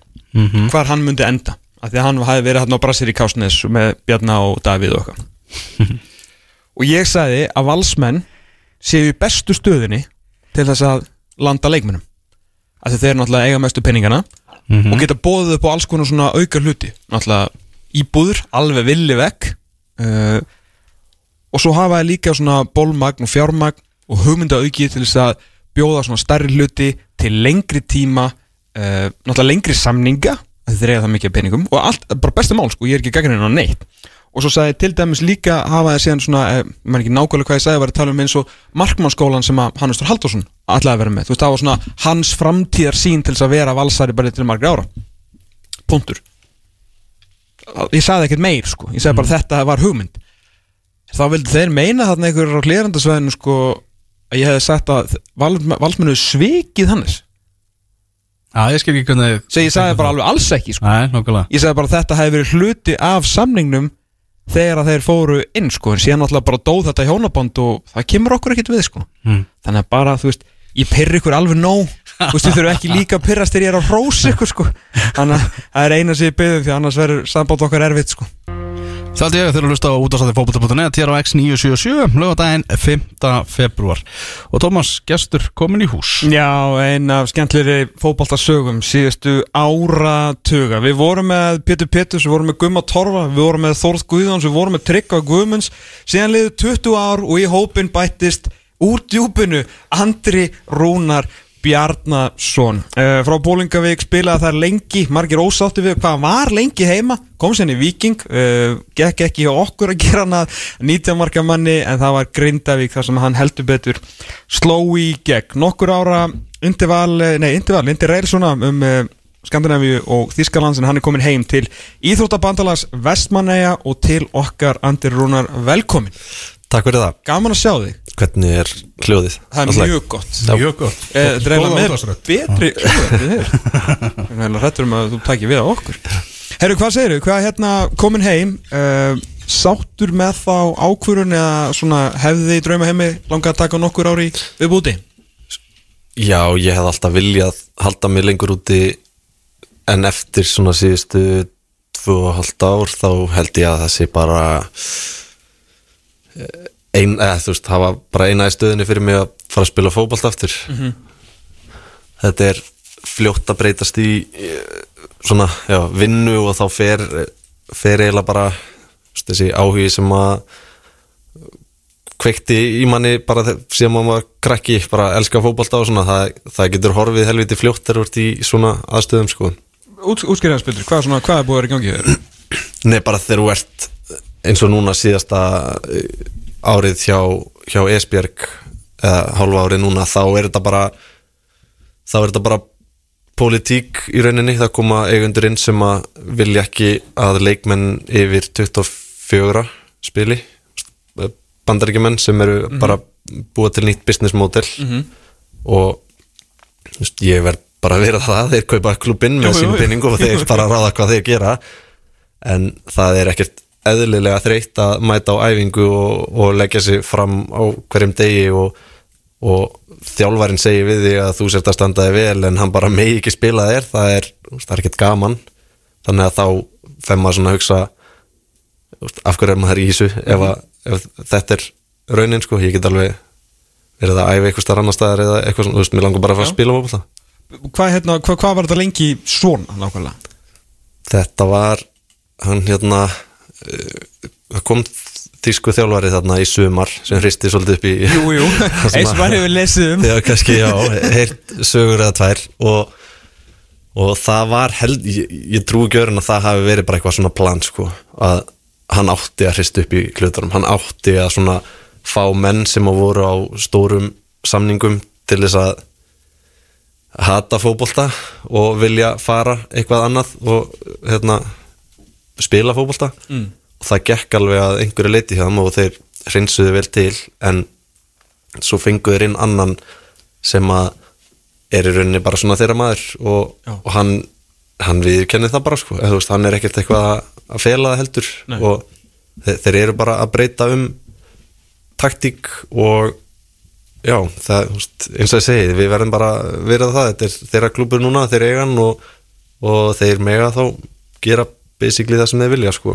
Algjörlega, meina þessi, þessi ágættu þjóðveri hérna sem var náttúrulega mikið í, fréttunum var, þú veist, þetta er engar ígjur var hann bara, þú veist, sturlaður? Þú veist, upp að því markið að þú varst farin að halda raun og verið þetta væri bara með ráðum gert. Já, ég held að við höfum bara flest allir kveikt á því svona svolítið inn í þetta að þetta var með ráðum gert sko. Ok. en ég get bara komið með dæmi um fyrstu tvo dagana Endilega. þá, hérna, fyrsti dagurinn er bara það, þeir segja jójó-test og jójó-test er svona það á að vera bara frekar hratt upp og þetta er svona, taka kannski max 7 mínútur. En þeir voru einhvern veginn svona gerði þetta- með flöytu þannig að hann var bara svona sjálfur að ákveða levelinu okkar, þú veist, það var engin það, þetta var ekkert eitthvað jójó-test þetta var bara hann með flöytu og, og svo var þetta, enda þetta að vera bara heilingi og menn voru alveg búnir á því og, og svo var það bara, heyrðu það er 11 mot 11 60 minna spil, strax þetta það þá fyrsta æfing eftir sumafrí daginn eftir vorum við 5 tíma út á velli samtals bara í löngum sendingaræfingum með svona stíguaksandi hlaupum. Já, og hérna, GPS-mælinn sæði sérst, að öll svona sérst, háhraðarhlaup, ekki alveg sprettur, heldur svona 75% eða hraðar, já. Afritsið var 18 kilometrar hjá leikmennum þann dag. Á annar hefingu það voru 14 meittir daginn eftir. Og ekkert eitthvað svona að þykjast það voru bara 14 meittir daginn eftir. Já, en, já, þetta þannig að ég, já, og svo restin var bara í anda við þetta sko, þetta var bara þetta var svona eh, efni í góða þáttaröð og, og þeir voru með, það var fólk að taka upp frá einhverju stöðarna átt að gera einhverja heimildathætti um Esbjörg en hann bannaði þeim að koma inn þannig að þeir mistu af bara Netflix tækifæri sko, ef að þeir. Það er bara sem að bara vera pína leikmenn Já, bókstaflega sko, bara menn voru bara já og veist, já, þetta var þetta var upplifun, Já. ég get alveg sagt þannig bara, já Þannig að þú ert bara þarna, þú veist, ámála í Esberg, veist þú mátt ekki spila en þú náttúrulega getur ekkert annað en að mæta náttúrulega æfingar því að sjálfur viltu halda þær í standi ef að til þess að komast í næsta lið. Þetta bara er hálfgjör gísling þannig. Já, og þetta er líka bara, eins og ég segjum áðan þarna með vinnuna, þarna var þetta bara veist, og maður skrópar ekkert í vinnuna sem að borga launumanns eða, eða svona, þannig að, þannig að við vorum ansi margir sem að vorum að mæta þarna á hverjum einasta degi og það tók verulega á að mæta með, með bros á vör alla daga því að ég ætlaði ekki að láta þá hafa neitt á mig ég, ég, ég mætti bara og gerði mína vinnu og Mhm. og þú veist, ég var mikið aukarlega í ræktinni og ég var, ég var að bara sinna öllu því sem ég gætt gert Mhm. svo að þeir hefðu einmitt ekkert á mig Nei, það er mjög snuð Hvað er svona, en þú veist, kannski aðeins aðdraðan því ef við bakkum aðeins út úr þessari veistlu þarna hjá, hjá Esbjörg þá náttúrulega þegar þú ferð eftir undra tímbili til, til Helsingborg uh, í Svíþóður og gengur bara vel þar, í raun og verið það vel að, að þú heldur áfram uppstegan til uh, Kæsislótin heldur betur sögufrætli en svona meðslinn þar, svona kannski leikiratrið það já, það er svona eina svona sem ég líti baka og hugsa bara svona hvað veist, skýtt með það veist, hvað ég var lengi bó, í hérna, bíu bólunga og allt það sko, mm eina sem ég spá í bara er svona hvað ef er ef ég hefði haldist heill í byrjun í kæsislótin Já. að því að maðurinn sem fær mig hann talaði þvílíkt svona vel um mig og vel alltaf við mig og hann var bara þvílíkt peppaði fyrir mér og, og það er hann sem vill fá mig. Mhm. Ég er svo andstuðið sést bara, ég, heyri, ég veit ekki hvort ég andi mikið í Nei, mækin nei, sko, ég, bara, ég er bara þreyttur á að tala sko, hérna, ég, já, hérna COVID. Hérna já og svo hérna kem ég þarna á miði tímabili og er búinn að vera eiga ágætis tímabil í allsvenskan eða ágætis, ég, var þarna smá mittur en ég var eiginlega bara freka góður í þessum leikin sem ég var að spila og Já. það var mikill áhugi á mér og þeir vildu fá eitthvað fyrir mig þannig að þeir vildu selja mig þarna í, að þeir þarna átti ég hálft ár eftir. Og ég var löngu búin ákveði, þú veist, ég ætlaði ekkert að semja áfram að því mér langaði að taka eitthvað annað skref. Og svo kem ég inn í mitt prísísson í hitabilgjunni þarna í 40 gráðunum uh, hlaup sem ég hef aldrei séð áður og ég var heilt undirbúinstíðinbil í World Class með Gauja Þórðar þannig að þetta var já, þannig að ég hef aldrei upplifað annað eins álag. Og bara svona gott dæmi er að ég náði sér satt setni æfingaferðinni sem þeir fór í. Ég misti af sem betur fyrir fyrir æfingaferðinni að því hún var án bolta. Já, Já. oi, hvað það hefur verið gaman. Sem að lýsi kannski svolítið þjóðverja. Já, og hérna þannig að ég að það var svona kom mér létt inn í þetta ég aðalagast hérna, þessu öllu og þetta var bara þetta var hræðileg byrjun. Ég bjóð okkur hóteli í 40 gráð hitta engin loftkæling með tveggja mánu bad gæti ekki sofið á hérna nottinni og, ok. og það bara uh, gerist það sem að í rauninni hefði átt að gera störuglega fyrir mig að við bara allan allt hvernig það var hérna, að ég meiðist. Ég togna í nára frekar illa og er frá í sex vikur.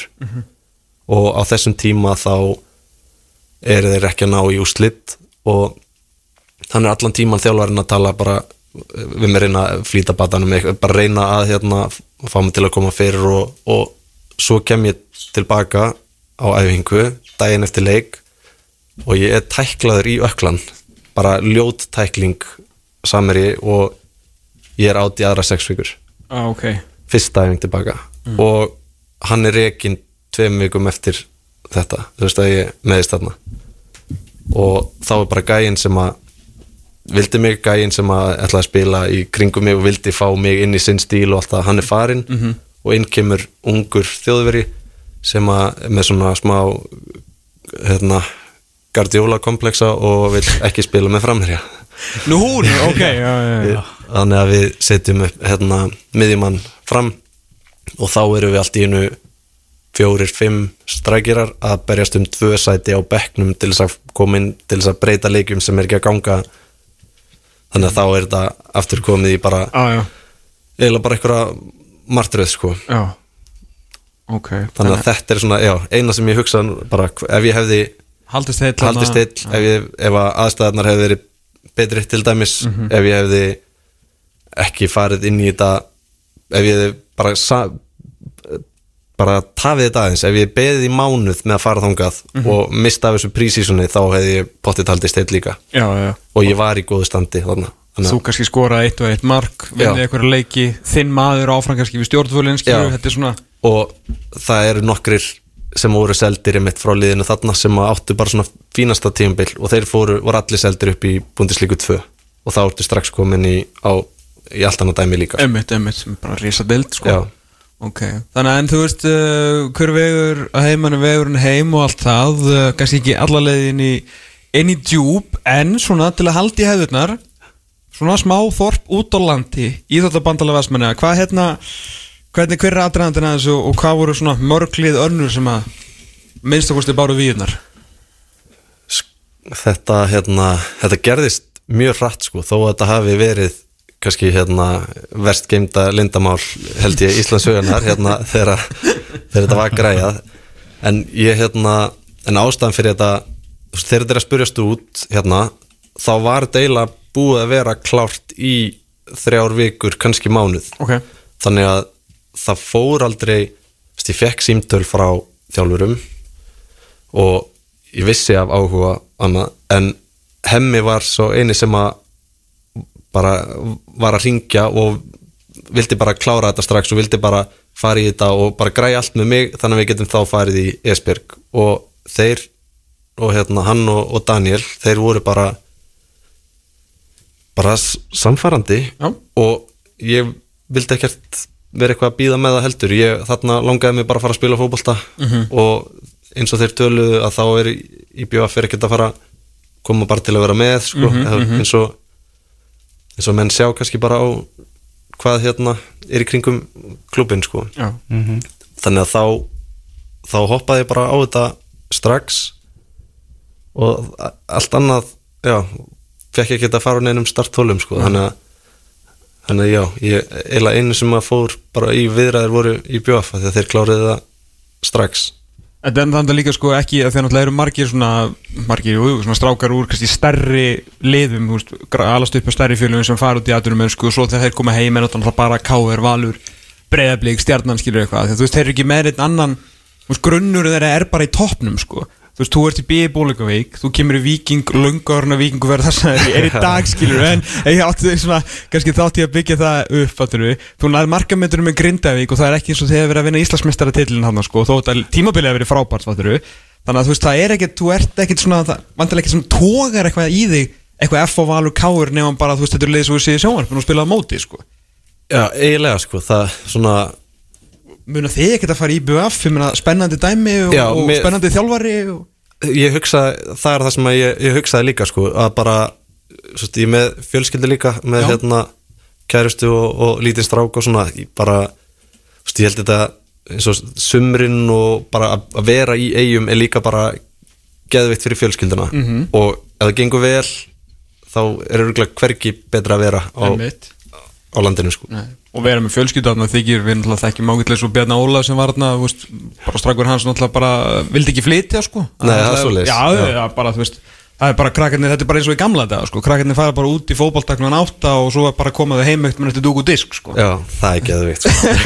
skilu, þetta er bara eins og Ísland, þetta er bara verbúðir skilu, þetta er bara eins og Ísland var Já, En reyndi þannig að IBF-frendi líka fáði það ekki þegar bara þegar Gary Martin máli kom hann upp og hann kvarf allt inn á, á braut og þeir þurftu sóknumann já, það var í hérna í, í sumar. Ah. þá, þá var áhugi frá ykkur liðum. Þó Tómas segir annað, þá get ég sýndir í símanum og það var annar lið líka sem var hérna sem var reynd, sem reyndi sko. En hérna þá já, ég var að fatta núna, sorry. Er það út, ok, ok, ok. nei. já, já. nei, hérna máli var bara, ég var ekki ég var ekki alveg tilbúin að gefast upp strax þarna, að því ég vissi að það var að koma þjálfari, ég vissi að það var að koma þýskur þjálfari. Og ég vissi að helmingurinn ef ekki fleiri myndu öruglega ekki höndla þýskan þjálfara. Ah. og ég hugsaði að ég myndi fá allavega tækifæri til þess að til þess að sína mig þar. En á þeim tímapunkti vissi ég ekki að ég mætti ekki spila þegar ég var í gamall sko. mm hva- Hvernig er, þú veist, hvað ertu í dag? Ég hef ekki séð þig bara í fjögur ár núna, skilur við uh, Ertu ennþá bara, þú veist, vinnur allt í loftinu tekur hún kassan, snýrð og stingur af og skorar? Nei, ég hérna sko, það eins og hérna á Íslandi held ég að þetta sé svolítið öðri sig að því að þú ég hef alltaf talið mig vera frekar bara góðan í fótbolta. Ég er góður í löpunum og mjög góður í link-up spili og svo leis Algjörlega en síðan þegar ég kem út þá þá þarf ég ekkert ég, jú, ég er að linka upp alveg svona bara svona einfaldlega. Já, að því að það er ekki það sem að ég þarf þarna út af því að þar ertu með kannski gæja sem eru að sjá öll löpiðin eða að sjá, þú ert með eitthvað á kantinu sem að fær boltan og þú veist að hann er að fara fram hjá manninu sínum. Þannig að þá þarf þetta að hugsa allt öðru sig þú ert bara fókusa að vera á réttum stað á réttum tíma að koma gott laup og, jú, vinna einvín þín og svo þannig. En, en eins og íslenski fótboltin er þá, þá býður það kannski meira upp á það að vera meira svona all around. Þannig að ég held að ég muni kannski sína vonandi fleirum í sömar hversu góður í fótbolta ég er bara spilandi líka. Já, já já, svona stærra hlutverk fyrir þig og miklu meira ábyrðum leiðin já, já, og líka eins og við viljum spila þá við viljum vera með mikið af hlaupum, djúpum hlaupum í kringum mig og svona þannig að ég er ekki kannski að fara að vera jafn mikið í öftustu línu að stinga inn fyrir eins og ég var hjá Grindavík til dæmis Nei. en kannski vera meira að taka til mín og, og opna fyrir aðra líka sko. Mm Svo ertu náttúrulega með eitt fastegnamógul þarna á miðunni sem að sér nú flest sem í bóði er sko í, í góða liðs Já. Þannig að lágitis, hérna, og eins og hérna, auðvitað náttúrulega kannski spenntur mynd fyrir því að það er ekki, þú veist, það er alvöru alltaf, ungir heimastrákar sem er ekki ungir lengur margir en alltaf bara konum með fullt að leikjum undir belti en síðan Eiður Aron, Gauðilíðs þú, skilur Haldur Pátt náttúrulega búin að vera nafnalega í fjögur, fimm ár sko, þetta er svona og Alex var með honum í, í Viking líka. Eh, Nákvæmlega. Þegar hann bara. Nákvæmlega náttúrulega þú veist, bara síðast þegar hann var bara stjarni í þessari deild. Já. alltaf því miðurlendum til skelfulegu meðslum og svona. En þetta er orðið það er svona ekki margi nýlega sem hafa komið upp með svona mikið stjörnum. Þannig sé, skilur skilur hvað er að fara. Nei, ég skil hvað þetta við sko. Kannski bara káa síðast eða eitthvað þegar Já, já, emitt, emitt, svona En það er eitt líka sem að held að muni koma mörgum á, mörgum á óvart í, í sumar hvað hann er tekið stórum eða bara stór skref síðust ára það er Felix í, í bakverðinum Ok, Hann er- var, svona svolítið ungstyrni Já, hann var ungstyrni og svona og, og svo kannski var minna að tala um hann að því að örgulega bara því að hann var í fyrstu deildinni en, en ég held að muni koma koma fólki á, á óvart í, í sumar. Já, hann alltaf síndi alltaf svakalega þetta og fara aðeins út og svona sko. Þannig að hérna, já, þannig að þetta verður hrikalega spennandi og alltaf gaman að vera með EM-ennum uppi. Hvernig hérna, ertu byrjar að, þú veist, hvar eru það að æfa og ertu byrjar að æfa? Ertu fluttur eða? Já, ég er, ég er fluttur, ég fór hérna, ég, ég fekk COVID hérna í byrjun ás og fer bara þegar ég losnaði úr einangrunni þar yfir, byrjaði eitthvað að æfa, reynda að byrja að æfa, ég hérna, svo skæða náði mér helviti vel, Ok.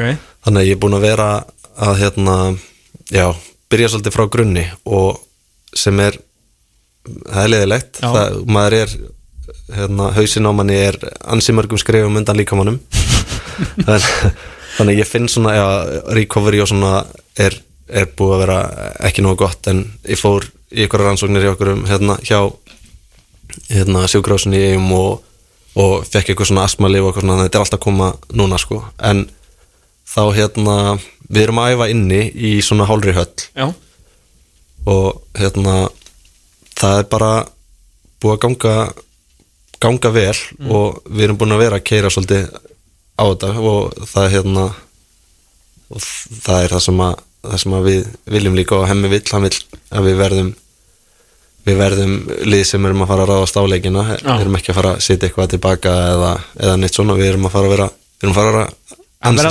Já, það verða læti og það verður gaman. Það, já, Mhm. Þannig að hemmi sótti sér nú aðstofað þetta frá Englandi. Maður sér einhvern veginn á myndina hann um Ég ætla að giska á þetta sé algjör meistari. Hann er meistari, hann er algjör meistari. Hann er líka hókin af reynslu sko, það, og þú, þú heyrið það bara þegar þú tala við hann að, að, hérna, og það er líka það er gott fyrir, að við erum eins og að segja, við erum með unglið það er gott að vera með eitthvað svona sem að er held er ekkert að, að vera með neitt kjaftaði sko, eða þú veist, hann bara þú veist, hann segir bara, ef, ef æfingin er ekki nógu góð eða ef það er eitthvað sem vantar upp á þá lætur, þá, þá lætur hann bara vita því. Ekkert að taka menn fyrir en eitt svona, heldur bara, bara yfir hópin bara þetta, þú veist við bara verðum að gera betur og það, ég, ég fíla það, það er svona, að, það þarf stundum.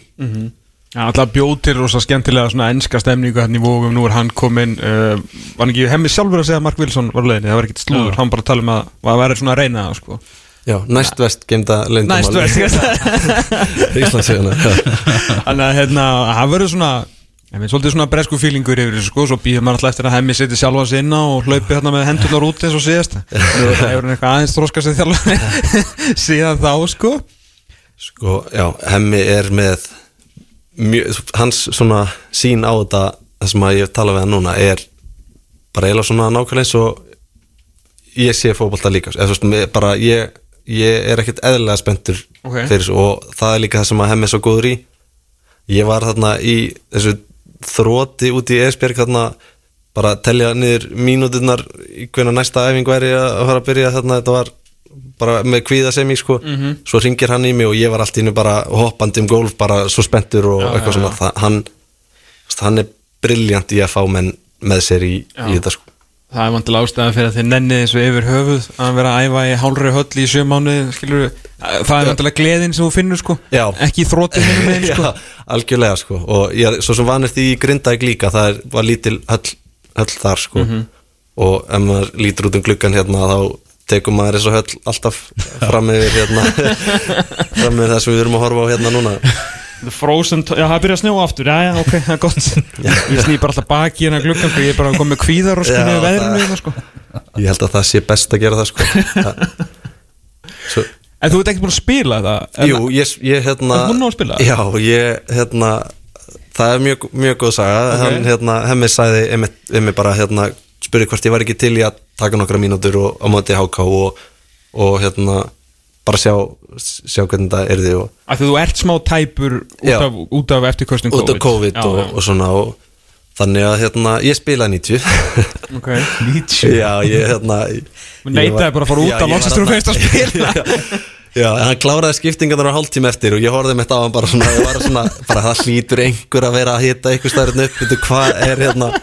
Fór og tjekka hvort það væri ekki hjartastuðtæki einhver staðurinn líka og hérna þannig að, en ég kláraði leikin og ég var alveg í ég var, ég held ég að vera í svona fjóra, fimm daga að geta lappað aftur eftir, eftir það sko. það var leikin í kór á hérna einhverju vestagerfugressi sem ég séð síðan hérna hérna í laugadalnum sandpapirinn ég, ég skil ekki hvernig það verður svona liðlegt, nei. Svona hrætt Og bara þannig að þá var ekki kannski COVID Það var bara lack of games. Já, Og líka, bara sko, lappirnar og að því að þegar þú veist, ég var að æfa í desember á grasi og svo kem ég þarna inn í eitthvað þar sem að þið líður eins og þú sért að slíta krossbandi hvert skipti sem þú tekur stefnubreitingu mm, já, þetta er mjög, mjög hressandi sko. þannig að mæli með kórnum. Ertu búin að, veist, hvað, hvað allar að gera í sumar? Þú veist, bara Þetta stefna á 20 eða sko, það er sko það er góð spurning. Ég, hérna, ég geti komið ömulega leðilegt svar eins og allir myndu koma að skoða, byrjum á 5 eða 10 eða þetta eitthvað svona. En þá er ég fyrsta lagi bara að ljúga því að auðvitað, auðvitað svona fyrir tímambil þá get ég ekki hort á eitthvað annað heldur en 20 Mhm. af því að það, það væri bara það væri bara lélegt, það væri að bæta leik Ég segi að 27 leikir, Já, sko. það er að bæta við leikjum sko ég er, þannig að þá, þá myndi ég já veist, og hvort sem það næst eða ekki þá, þá er ég alltaf að horfa á það samt. Já, já Þannig að þú, þú veist, það er alveg, það er hungur í þér já, já, já, já, Já, já, já. bara eftir svona þetta er bara, þetta er og ég skal lofa verið, þjóðatíð í ár verður stærsta þjóðatíð allra tíma því að það er búið að vera að læsa fólk inni í þrjú ár. Heldur betur. Mér líður þannig varandi fótbolta, það er búið að læsa minni í tvö ár núna, bara hleypi mér út. Já, já, ok. Þannig að Úf, það er okkur Mittur á múti Vikes Shit, maður bara svona Bara varúð. Vona bara að, já, að ég náðu mér að ná mér í, í gott stand sem fyrst þannig að, hérna, þannig að líka minn geti fyllt hausnum er sem Ertu eitthvað stressaður út af þessu COVID-19? Þú veist, manna þessu N- Nei, í raun ekki, ég það bara bara að vera skinsamur að, að hérna, byggja mig upp Er þetta þá Bara- aðalega? Bara nærði ekki að Núna er þetta recovery eiginlega sko Ég- recovery, Já, ok. þetta var öndunin fyrst þangað til ég fekk ykkur astmalif og, og svona et, et, við erum að tala um bara á viku millibili var ég að taka bara hérna auðveldlega þú veist, 8-10 km 8 til 10 km bara Mm. á hlaupabretti á, á interval hérna sessjóni og, og yfir í það að geta ekki hlaupið í 5 mínútur. Nei, einmitt, einmitt. Á viku bara út af þessu. Og samt fekk engin enginn eða neitt sko. En þetta er, þetta er, þetta er frekar hérna spes sko. Þú náðu þér. Hún náði mér sko. Það, Líka það er ekki 1-0 sko. ja, eða 1-1 ég hérna ég fekk náttúrulega hérna já í, þegar ég var í hausti í Danmarku líka og þá spilaði eftir viku og kláraði 90 og það var ekkert mál sko. Þannig að það er 1-1 Það er Já, það var 1-1 delta sko. Já, já. Líka örgulega ekki eðlilega gaman að reyna að ræsa þetta stykki sem þú ert sko. Það er nokkuð kíló og sentimetra sko. Það, já, það hérna Og stundum fínt að vera bara svona 1.77 hæri bak. Eða Dofri væri búin að ná sér skilu það er 100% sko. Það, já, já, 100% sko. Og það er líka með helvitis gerfigrassið að þú, þú finnur fyrir bara einhverjum liðum hérna í mjöðminni og allstæði bara sem þú vissir ekki að væri til bara sem þú er ekkert notað í, í fimm ár bara. Einmitt. og, já. Og hvenær, þú fæðum alltaf heima eftir Ég trú ekki að sé bara fært. Nei, ég fer á, ég fer á morgun tilbaka. Já. þá hérna það er þorlagsefn þessa dagana. Það er og mikið Wey. sandur og svona. Ég fór fyrstu ferðina mína í einhverju 8 metra ölduhæð sem er basically þannig að veist, ég lá í einhverju koju og horfði upp, lokaði augunum og mér leiði eins og ég væri í flugvél sem væri að hrapa í þrjá tíma streitt. Það, þetta er svona besta líking sem ég get komið. Það, en sem betur fyrr er ég að vestan og ég hérna, þekki ansi marga sjóvara sem að sögðu mér bara henda svona plástri fyrir aftan eirað, svona sjóvíkisplástri og þetta er bara örgli fyrsta skipti sem ég verð ekki sjóvíkur í og þetta var langvesta bátferð sem ég farið í. Þannig að mælu með blasturinn Næ, Ok, ég, hérna, ég mynd sko tók bara Ég hef nú farið frekar oft til eiga sem ekki reyndar mjög oft með Þorlóki í undarferðina og ég fór með Þorlóki þegar við festumst þarna 2018 Með Þorláki? Æ, þú veist, Þorlóksöp skilur þá er herjulur Þorlákur. Já, ég kannar það, var það Þorlókin að hérna uh, þá er mitt sko, þá fór ég í kói fyrsta sinn, að það voru að, að taka Þorlóksöfninu sko. Og uh, svona eh, svona gæðin sem sá um okkur sko fattaði að kaupa kói um okkur það var algjör game changer sko. Það er algjör game changer sko. Af því að sko ég hérna þú veist er alltaf, jú, þú veist hérna móðumætti, ætti minnir og, þú veist, úr eigum fattur þannig að maður er skilur svo að maður alltaf vegi að gera strákur og svona, þannig að maður er gerður og granít þú veist, sjórin hefur engin áhrif á mig sko. Mér bara leiðist svo mikið. Já, það er svoleiðis. Ég bara, þú veist, ég mér leiðist svo mikið að mér verkjar, skilur. Mér finnst svo leiðir þetta leiðast. Og þess vegna var þessi, hérna þessi kói algjör snill, að þá getur bara lullað allan tíma, sko já, Það er lykillinn, já, sko. það er algjör game changer. Og ef þú ert hérna, sjóaukur þá getur þú líka bara leggst niður og loka augunum Já, og, já. og bara sopna sko. hefur ekki sömu áhrif, sko. Þannig að, já, þannig að uh, góða ferð bara. Já, takk fyrir það. Ég, Það er það sem við segjum Heru, Þú vildir ekki ræða ennska byggarinn Þannig að við ræðum ekkert um hann. Já. En þú ert mannsættur United maður. Já. Hvað viltu sjá taka við þessu í sumar? uh, það er það er hérna þetta er góð spurning sko. Uh, ef þú hefur spurt mig fyrir ári síðan eða sett Pochettino Mm. en svo hérna hann ten ég ætla ekki að er ekki þann hag. Já, hvernig hérna sem að berið, já, þá hérna hefði, nú, þú veist, ég myndi vilja sjá hann. En svo átti ég gott spjall svo ég hérna name dropi hérna líka með hérna, við fandi vart um daginn og var að hérna var að spurja hann út í hann. Ok. Og hann sagði hérna just, hann, er hann er góð þjálfari góð pælingar en hann sagði bara ég held bara hann get ekki talað við leikmennina. Just, no, veist, hann, hann er að ströggla við að tala við sko hollenska gæja.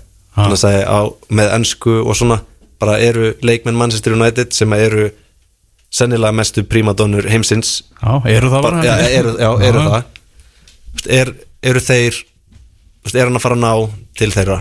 Og það var svona einu svona áhyggjurnar sem hann hann hafði. Já sko, rétt árinu við þurfum að bakka aftur þetta vandi vartæmi að það Já, þurfum að bakka heldur betur aftur þanga að þá hérna sko maðurinn sem að er sáður svona hugmyndasmiðurinn að þessum fótbolta sem að til dæmis Klopp og og svona er að spila já, að tók hann sko hvað voru prímótonunar lengi að láta hann bakka út úr sinni hugmyndafræði bara í 4 og 2, 3 og 1 þegar, þegar hendaði þeim, það var þetta var einfaldara sko. Já, get ekki verið að æfa klukkan fjögur á daginn og, til Raf- Manchester United sko, bara, Vandi vart samt? Já. Hvað eru þið bara að spila kót eða? nei, hann er hérna aðstofþjálfari hjá Esberg Já, Og- já, auðvitað. hann hérna toppmaður. Já, já, algjör toppmaður. Og hann, það. við vorum Þeir eru alltaf skítrættir á, hérna, á skæð eru, ég held að það sé búið að banna hann.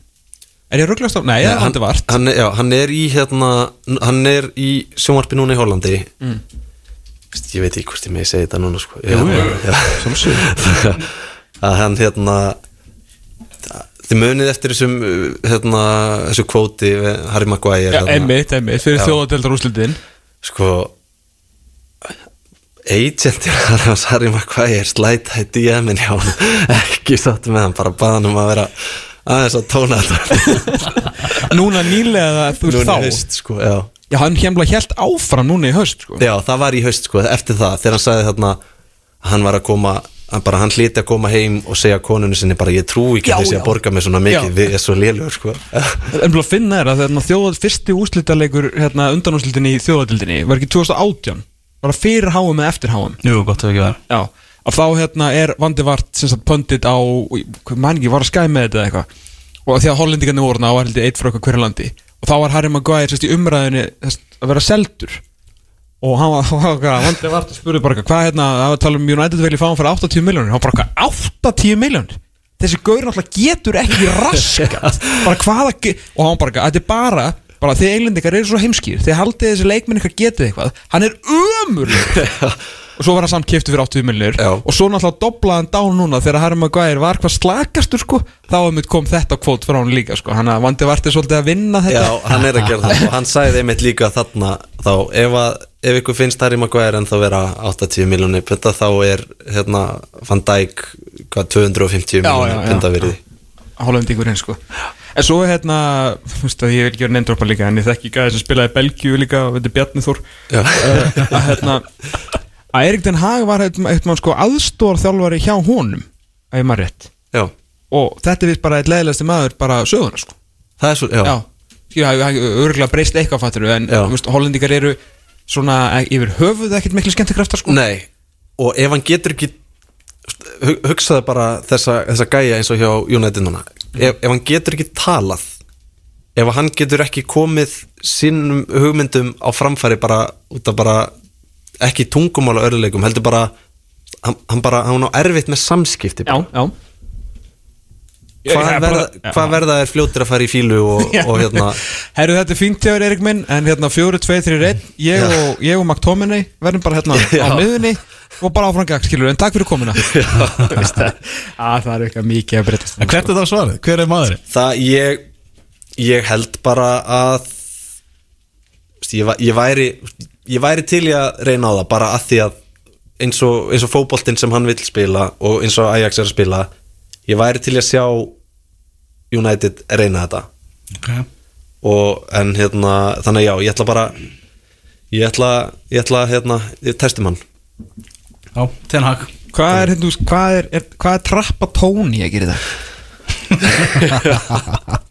82 Eitthvað svona no bullshit típa sko. Er hann að þjálfa eitthvað, getur ekki verið. Nei, hann hætti 2010 eftir að hann þjálfaði vandi kanni, já. En ef ég fengi draumaráðninguna Já. þá er það samt hérna Luis Enrique og, en hann bara er ekki að fara að sleppa spænska landsliðinu fyrir HM takka þar í desember. Það hefði getað komið bara eftir HM sko. Já, það hefur verið fullkomið sko. Já, Lúis Ríkki held ég að væri, væri dundur, dundur áning sko. Erum við sem að fara að sleppa þér út og sem bara góða að færa aftur til er- Takk fyrir það. Takk fyrir mig. komuna. Uh, Heyrum potið dýr í sumar, þú eru komið svona Hvað, 6-5? Já, stefnum það. Stefnum á það. Það kemur með fleiri bransasögur Herra, við möttum að heyra í uh, vöndum Hér eftir augna blik, hún vill formannin og er búin að senda fór sér stefnuskráð ætlum aðeins að spjalla við uh, eina frambjóðandan uh, hinga til.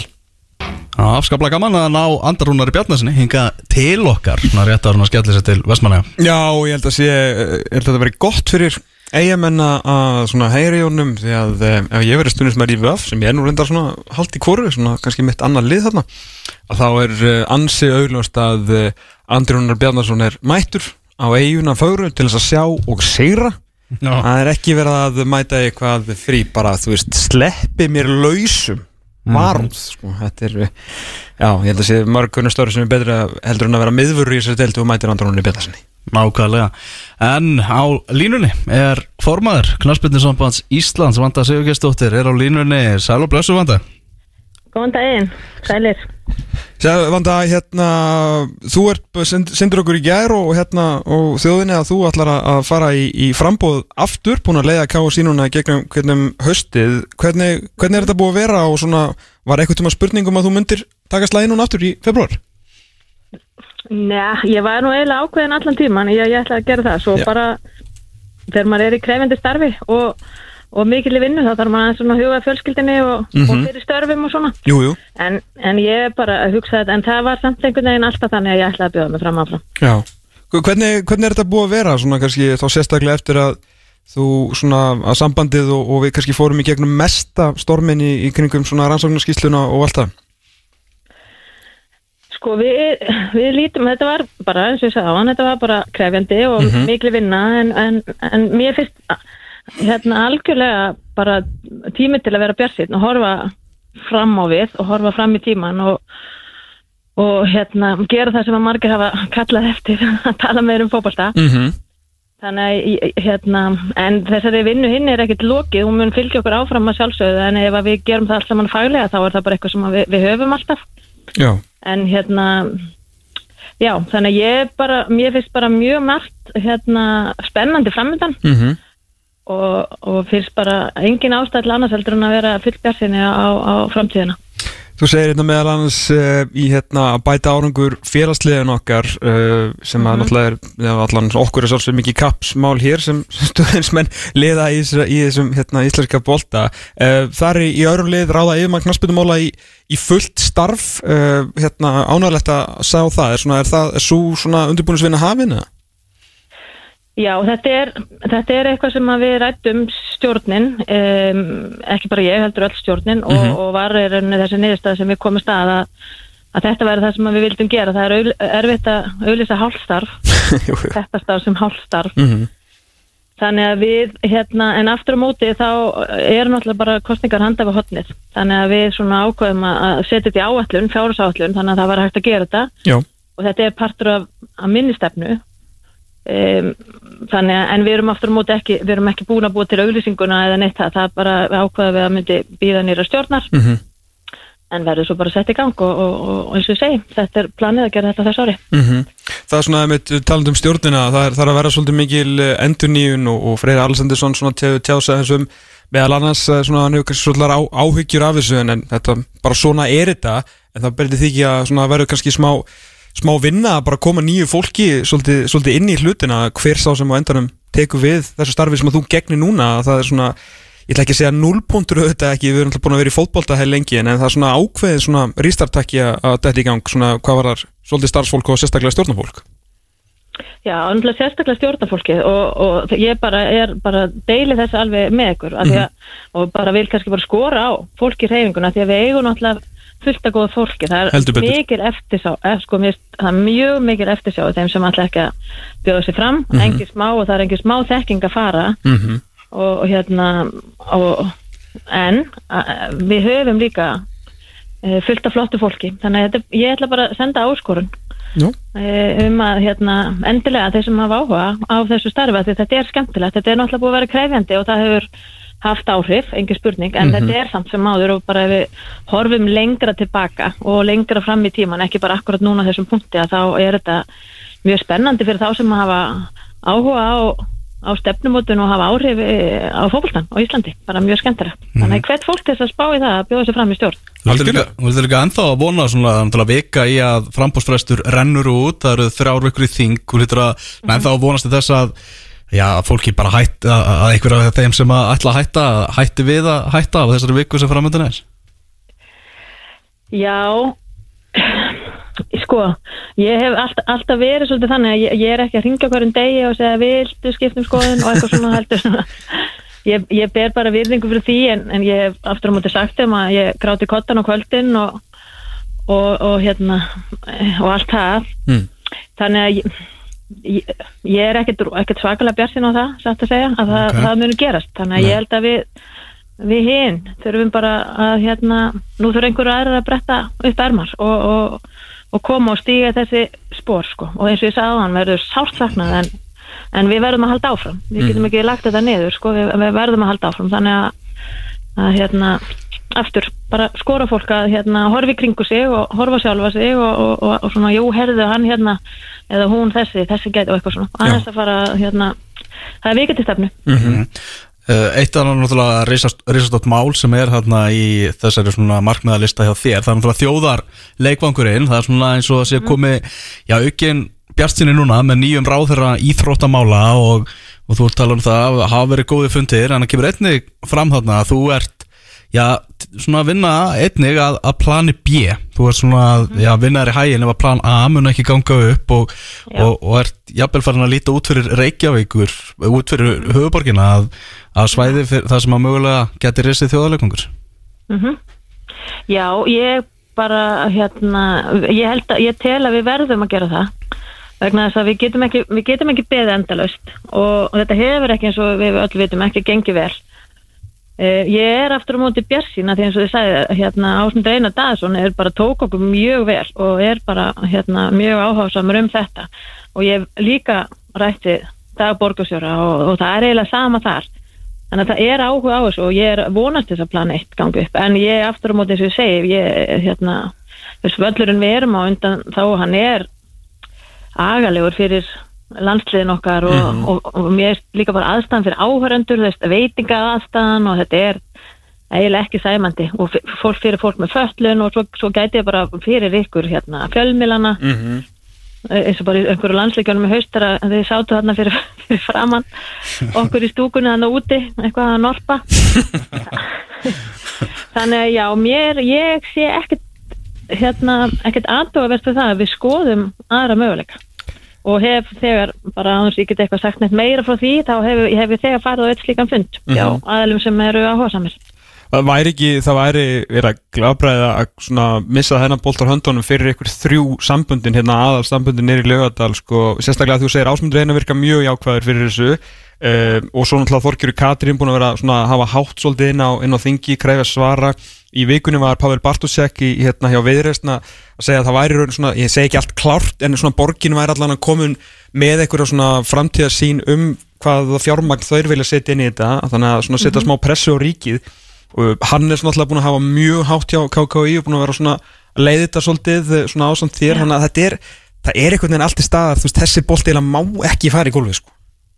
Hann má það nefnilega alls ekki. Og ráþara sagði líka náttúrulega bara við okkur því það er eitt sem er nýtt í þessu sem hefur ekki verið gegnum árin, við hefum ekki áður verið að vinna saman þessi stóru sérsamband og, og hann sagði það bara sjálfur að það bara mjöna mjög miklu þegar þið, þið eru miklu sterkari sem þrýstaf þegar þið komið saman.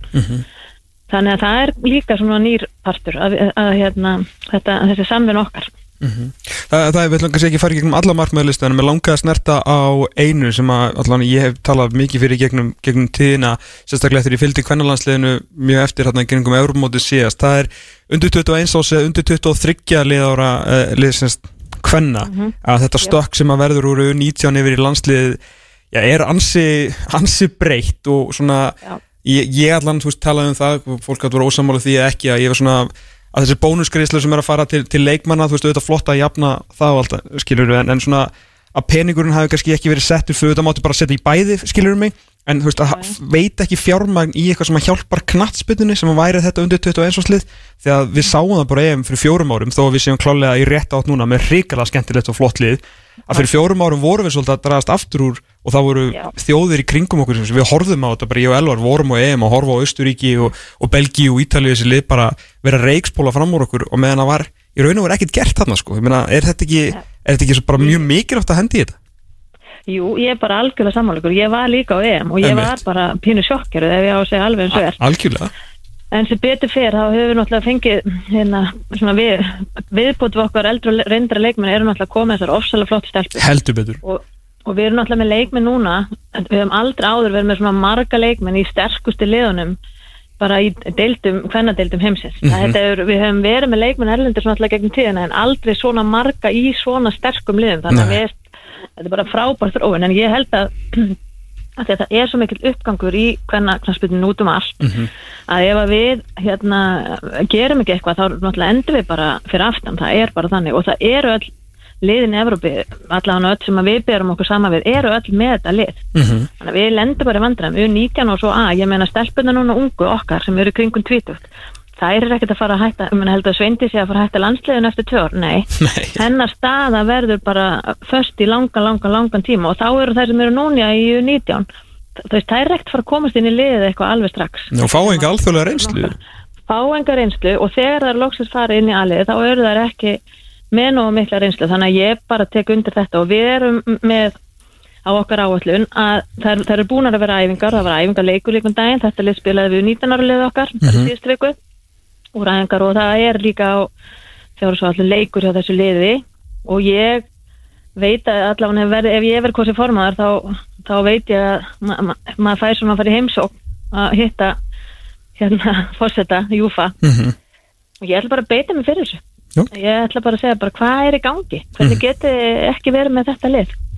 Þannig að ég ætla að mæta mjög vel undirbúin ef að ég kemst á þennan fund með hérna seferinn og og þrýsta. Og hérna og ég ætla líka búin að vera að hugsa þetta hérna, að- að fá líka Norðurlöndin með okkur því að við Norðurlöndin höfum svo oft verið á undan. Við byrjum með þessi Norðurlandamót og svo komum Evropamótin, við byrjum með félagslega mót og svo komum Evropakeppni félagslega, þannig að þetta er svo oft byrjað á Norðurlandan, þannig að ég bara tek undir þetta og þetta er eitt af, af því sem að ég mun berjast fyrir. Mm. Hefur þú eitthvað uh, heyrt svona, þú veist, uh, ert eitthvað skiptið að ræði svona hverjir mögulega færi fram á mótið eða býður bara eftir tilkynningu og tekur þá bara svona kostningabaróttu ef að slík verður? Já, það stuttasværi, það er bara einfjöldlega þannig, já. Þannig að það er bara, ef að eitthvað kemur þá bara kemur hann, en bara ert þú allan að klár og veist nákvæmlega hvað þú ætlar að gera. Já, ég er náttúrulega, þú veist, ég stjórna ekkert, ég hef get ekkert haft einn áhrif á það, þannig að ég er, er bara að hugsa um sjálfa mig og það sem að mig langar að gera. Og hérna, og svo kemur bara það sem kemur og ég er, bara til þá bara þetta. Ekki spurning. Vanda Siggjastóttir, uh, formaður KSI og frambjóði til áframhaldi formaðsku. Takk kjalla fyrir uh, spjallu og gangið vel í barátunni. Takk hella, Takk. Heyrjumst, bye bye bless, bye bye. Já, það ég að þetta var Vanda og kemur að ljós núna bara í þessari viku hvort að Sævar, Palli Mag, jafnvel einhver annar Jafnvel ykkur annar. Já, Jónas Ímeir geti, geti mætt aftur eða eitthvað Hver veit? Kannski Já. þú?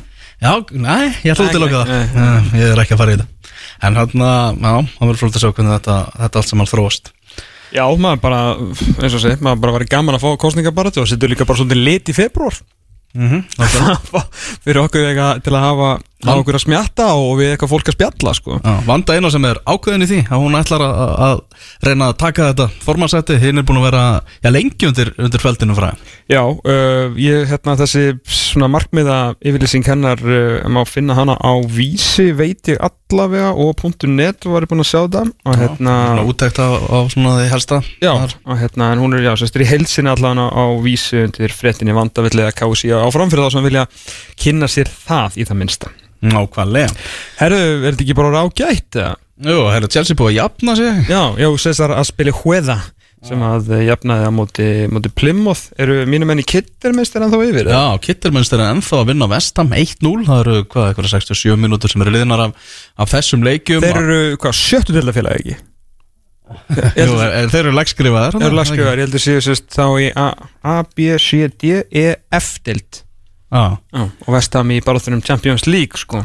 Mm Albert Guðmundsson byrjar á bekknum hjá Genoa sem er að mæta Róma klukkan núna klukkan 2 eftir 5 mínútur hefst sáleikur mm. Heitastlega liðið í League One Bolton á útileik gegn Morecamp klukkan uh, þrjú í dag.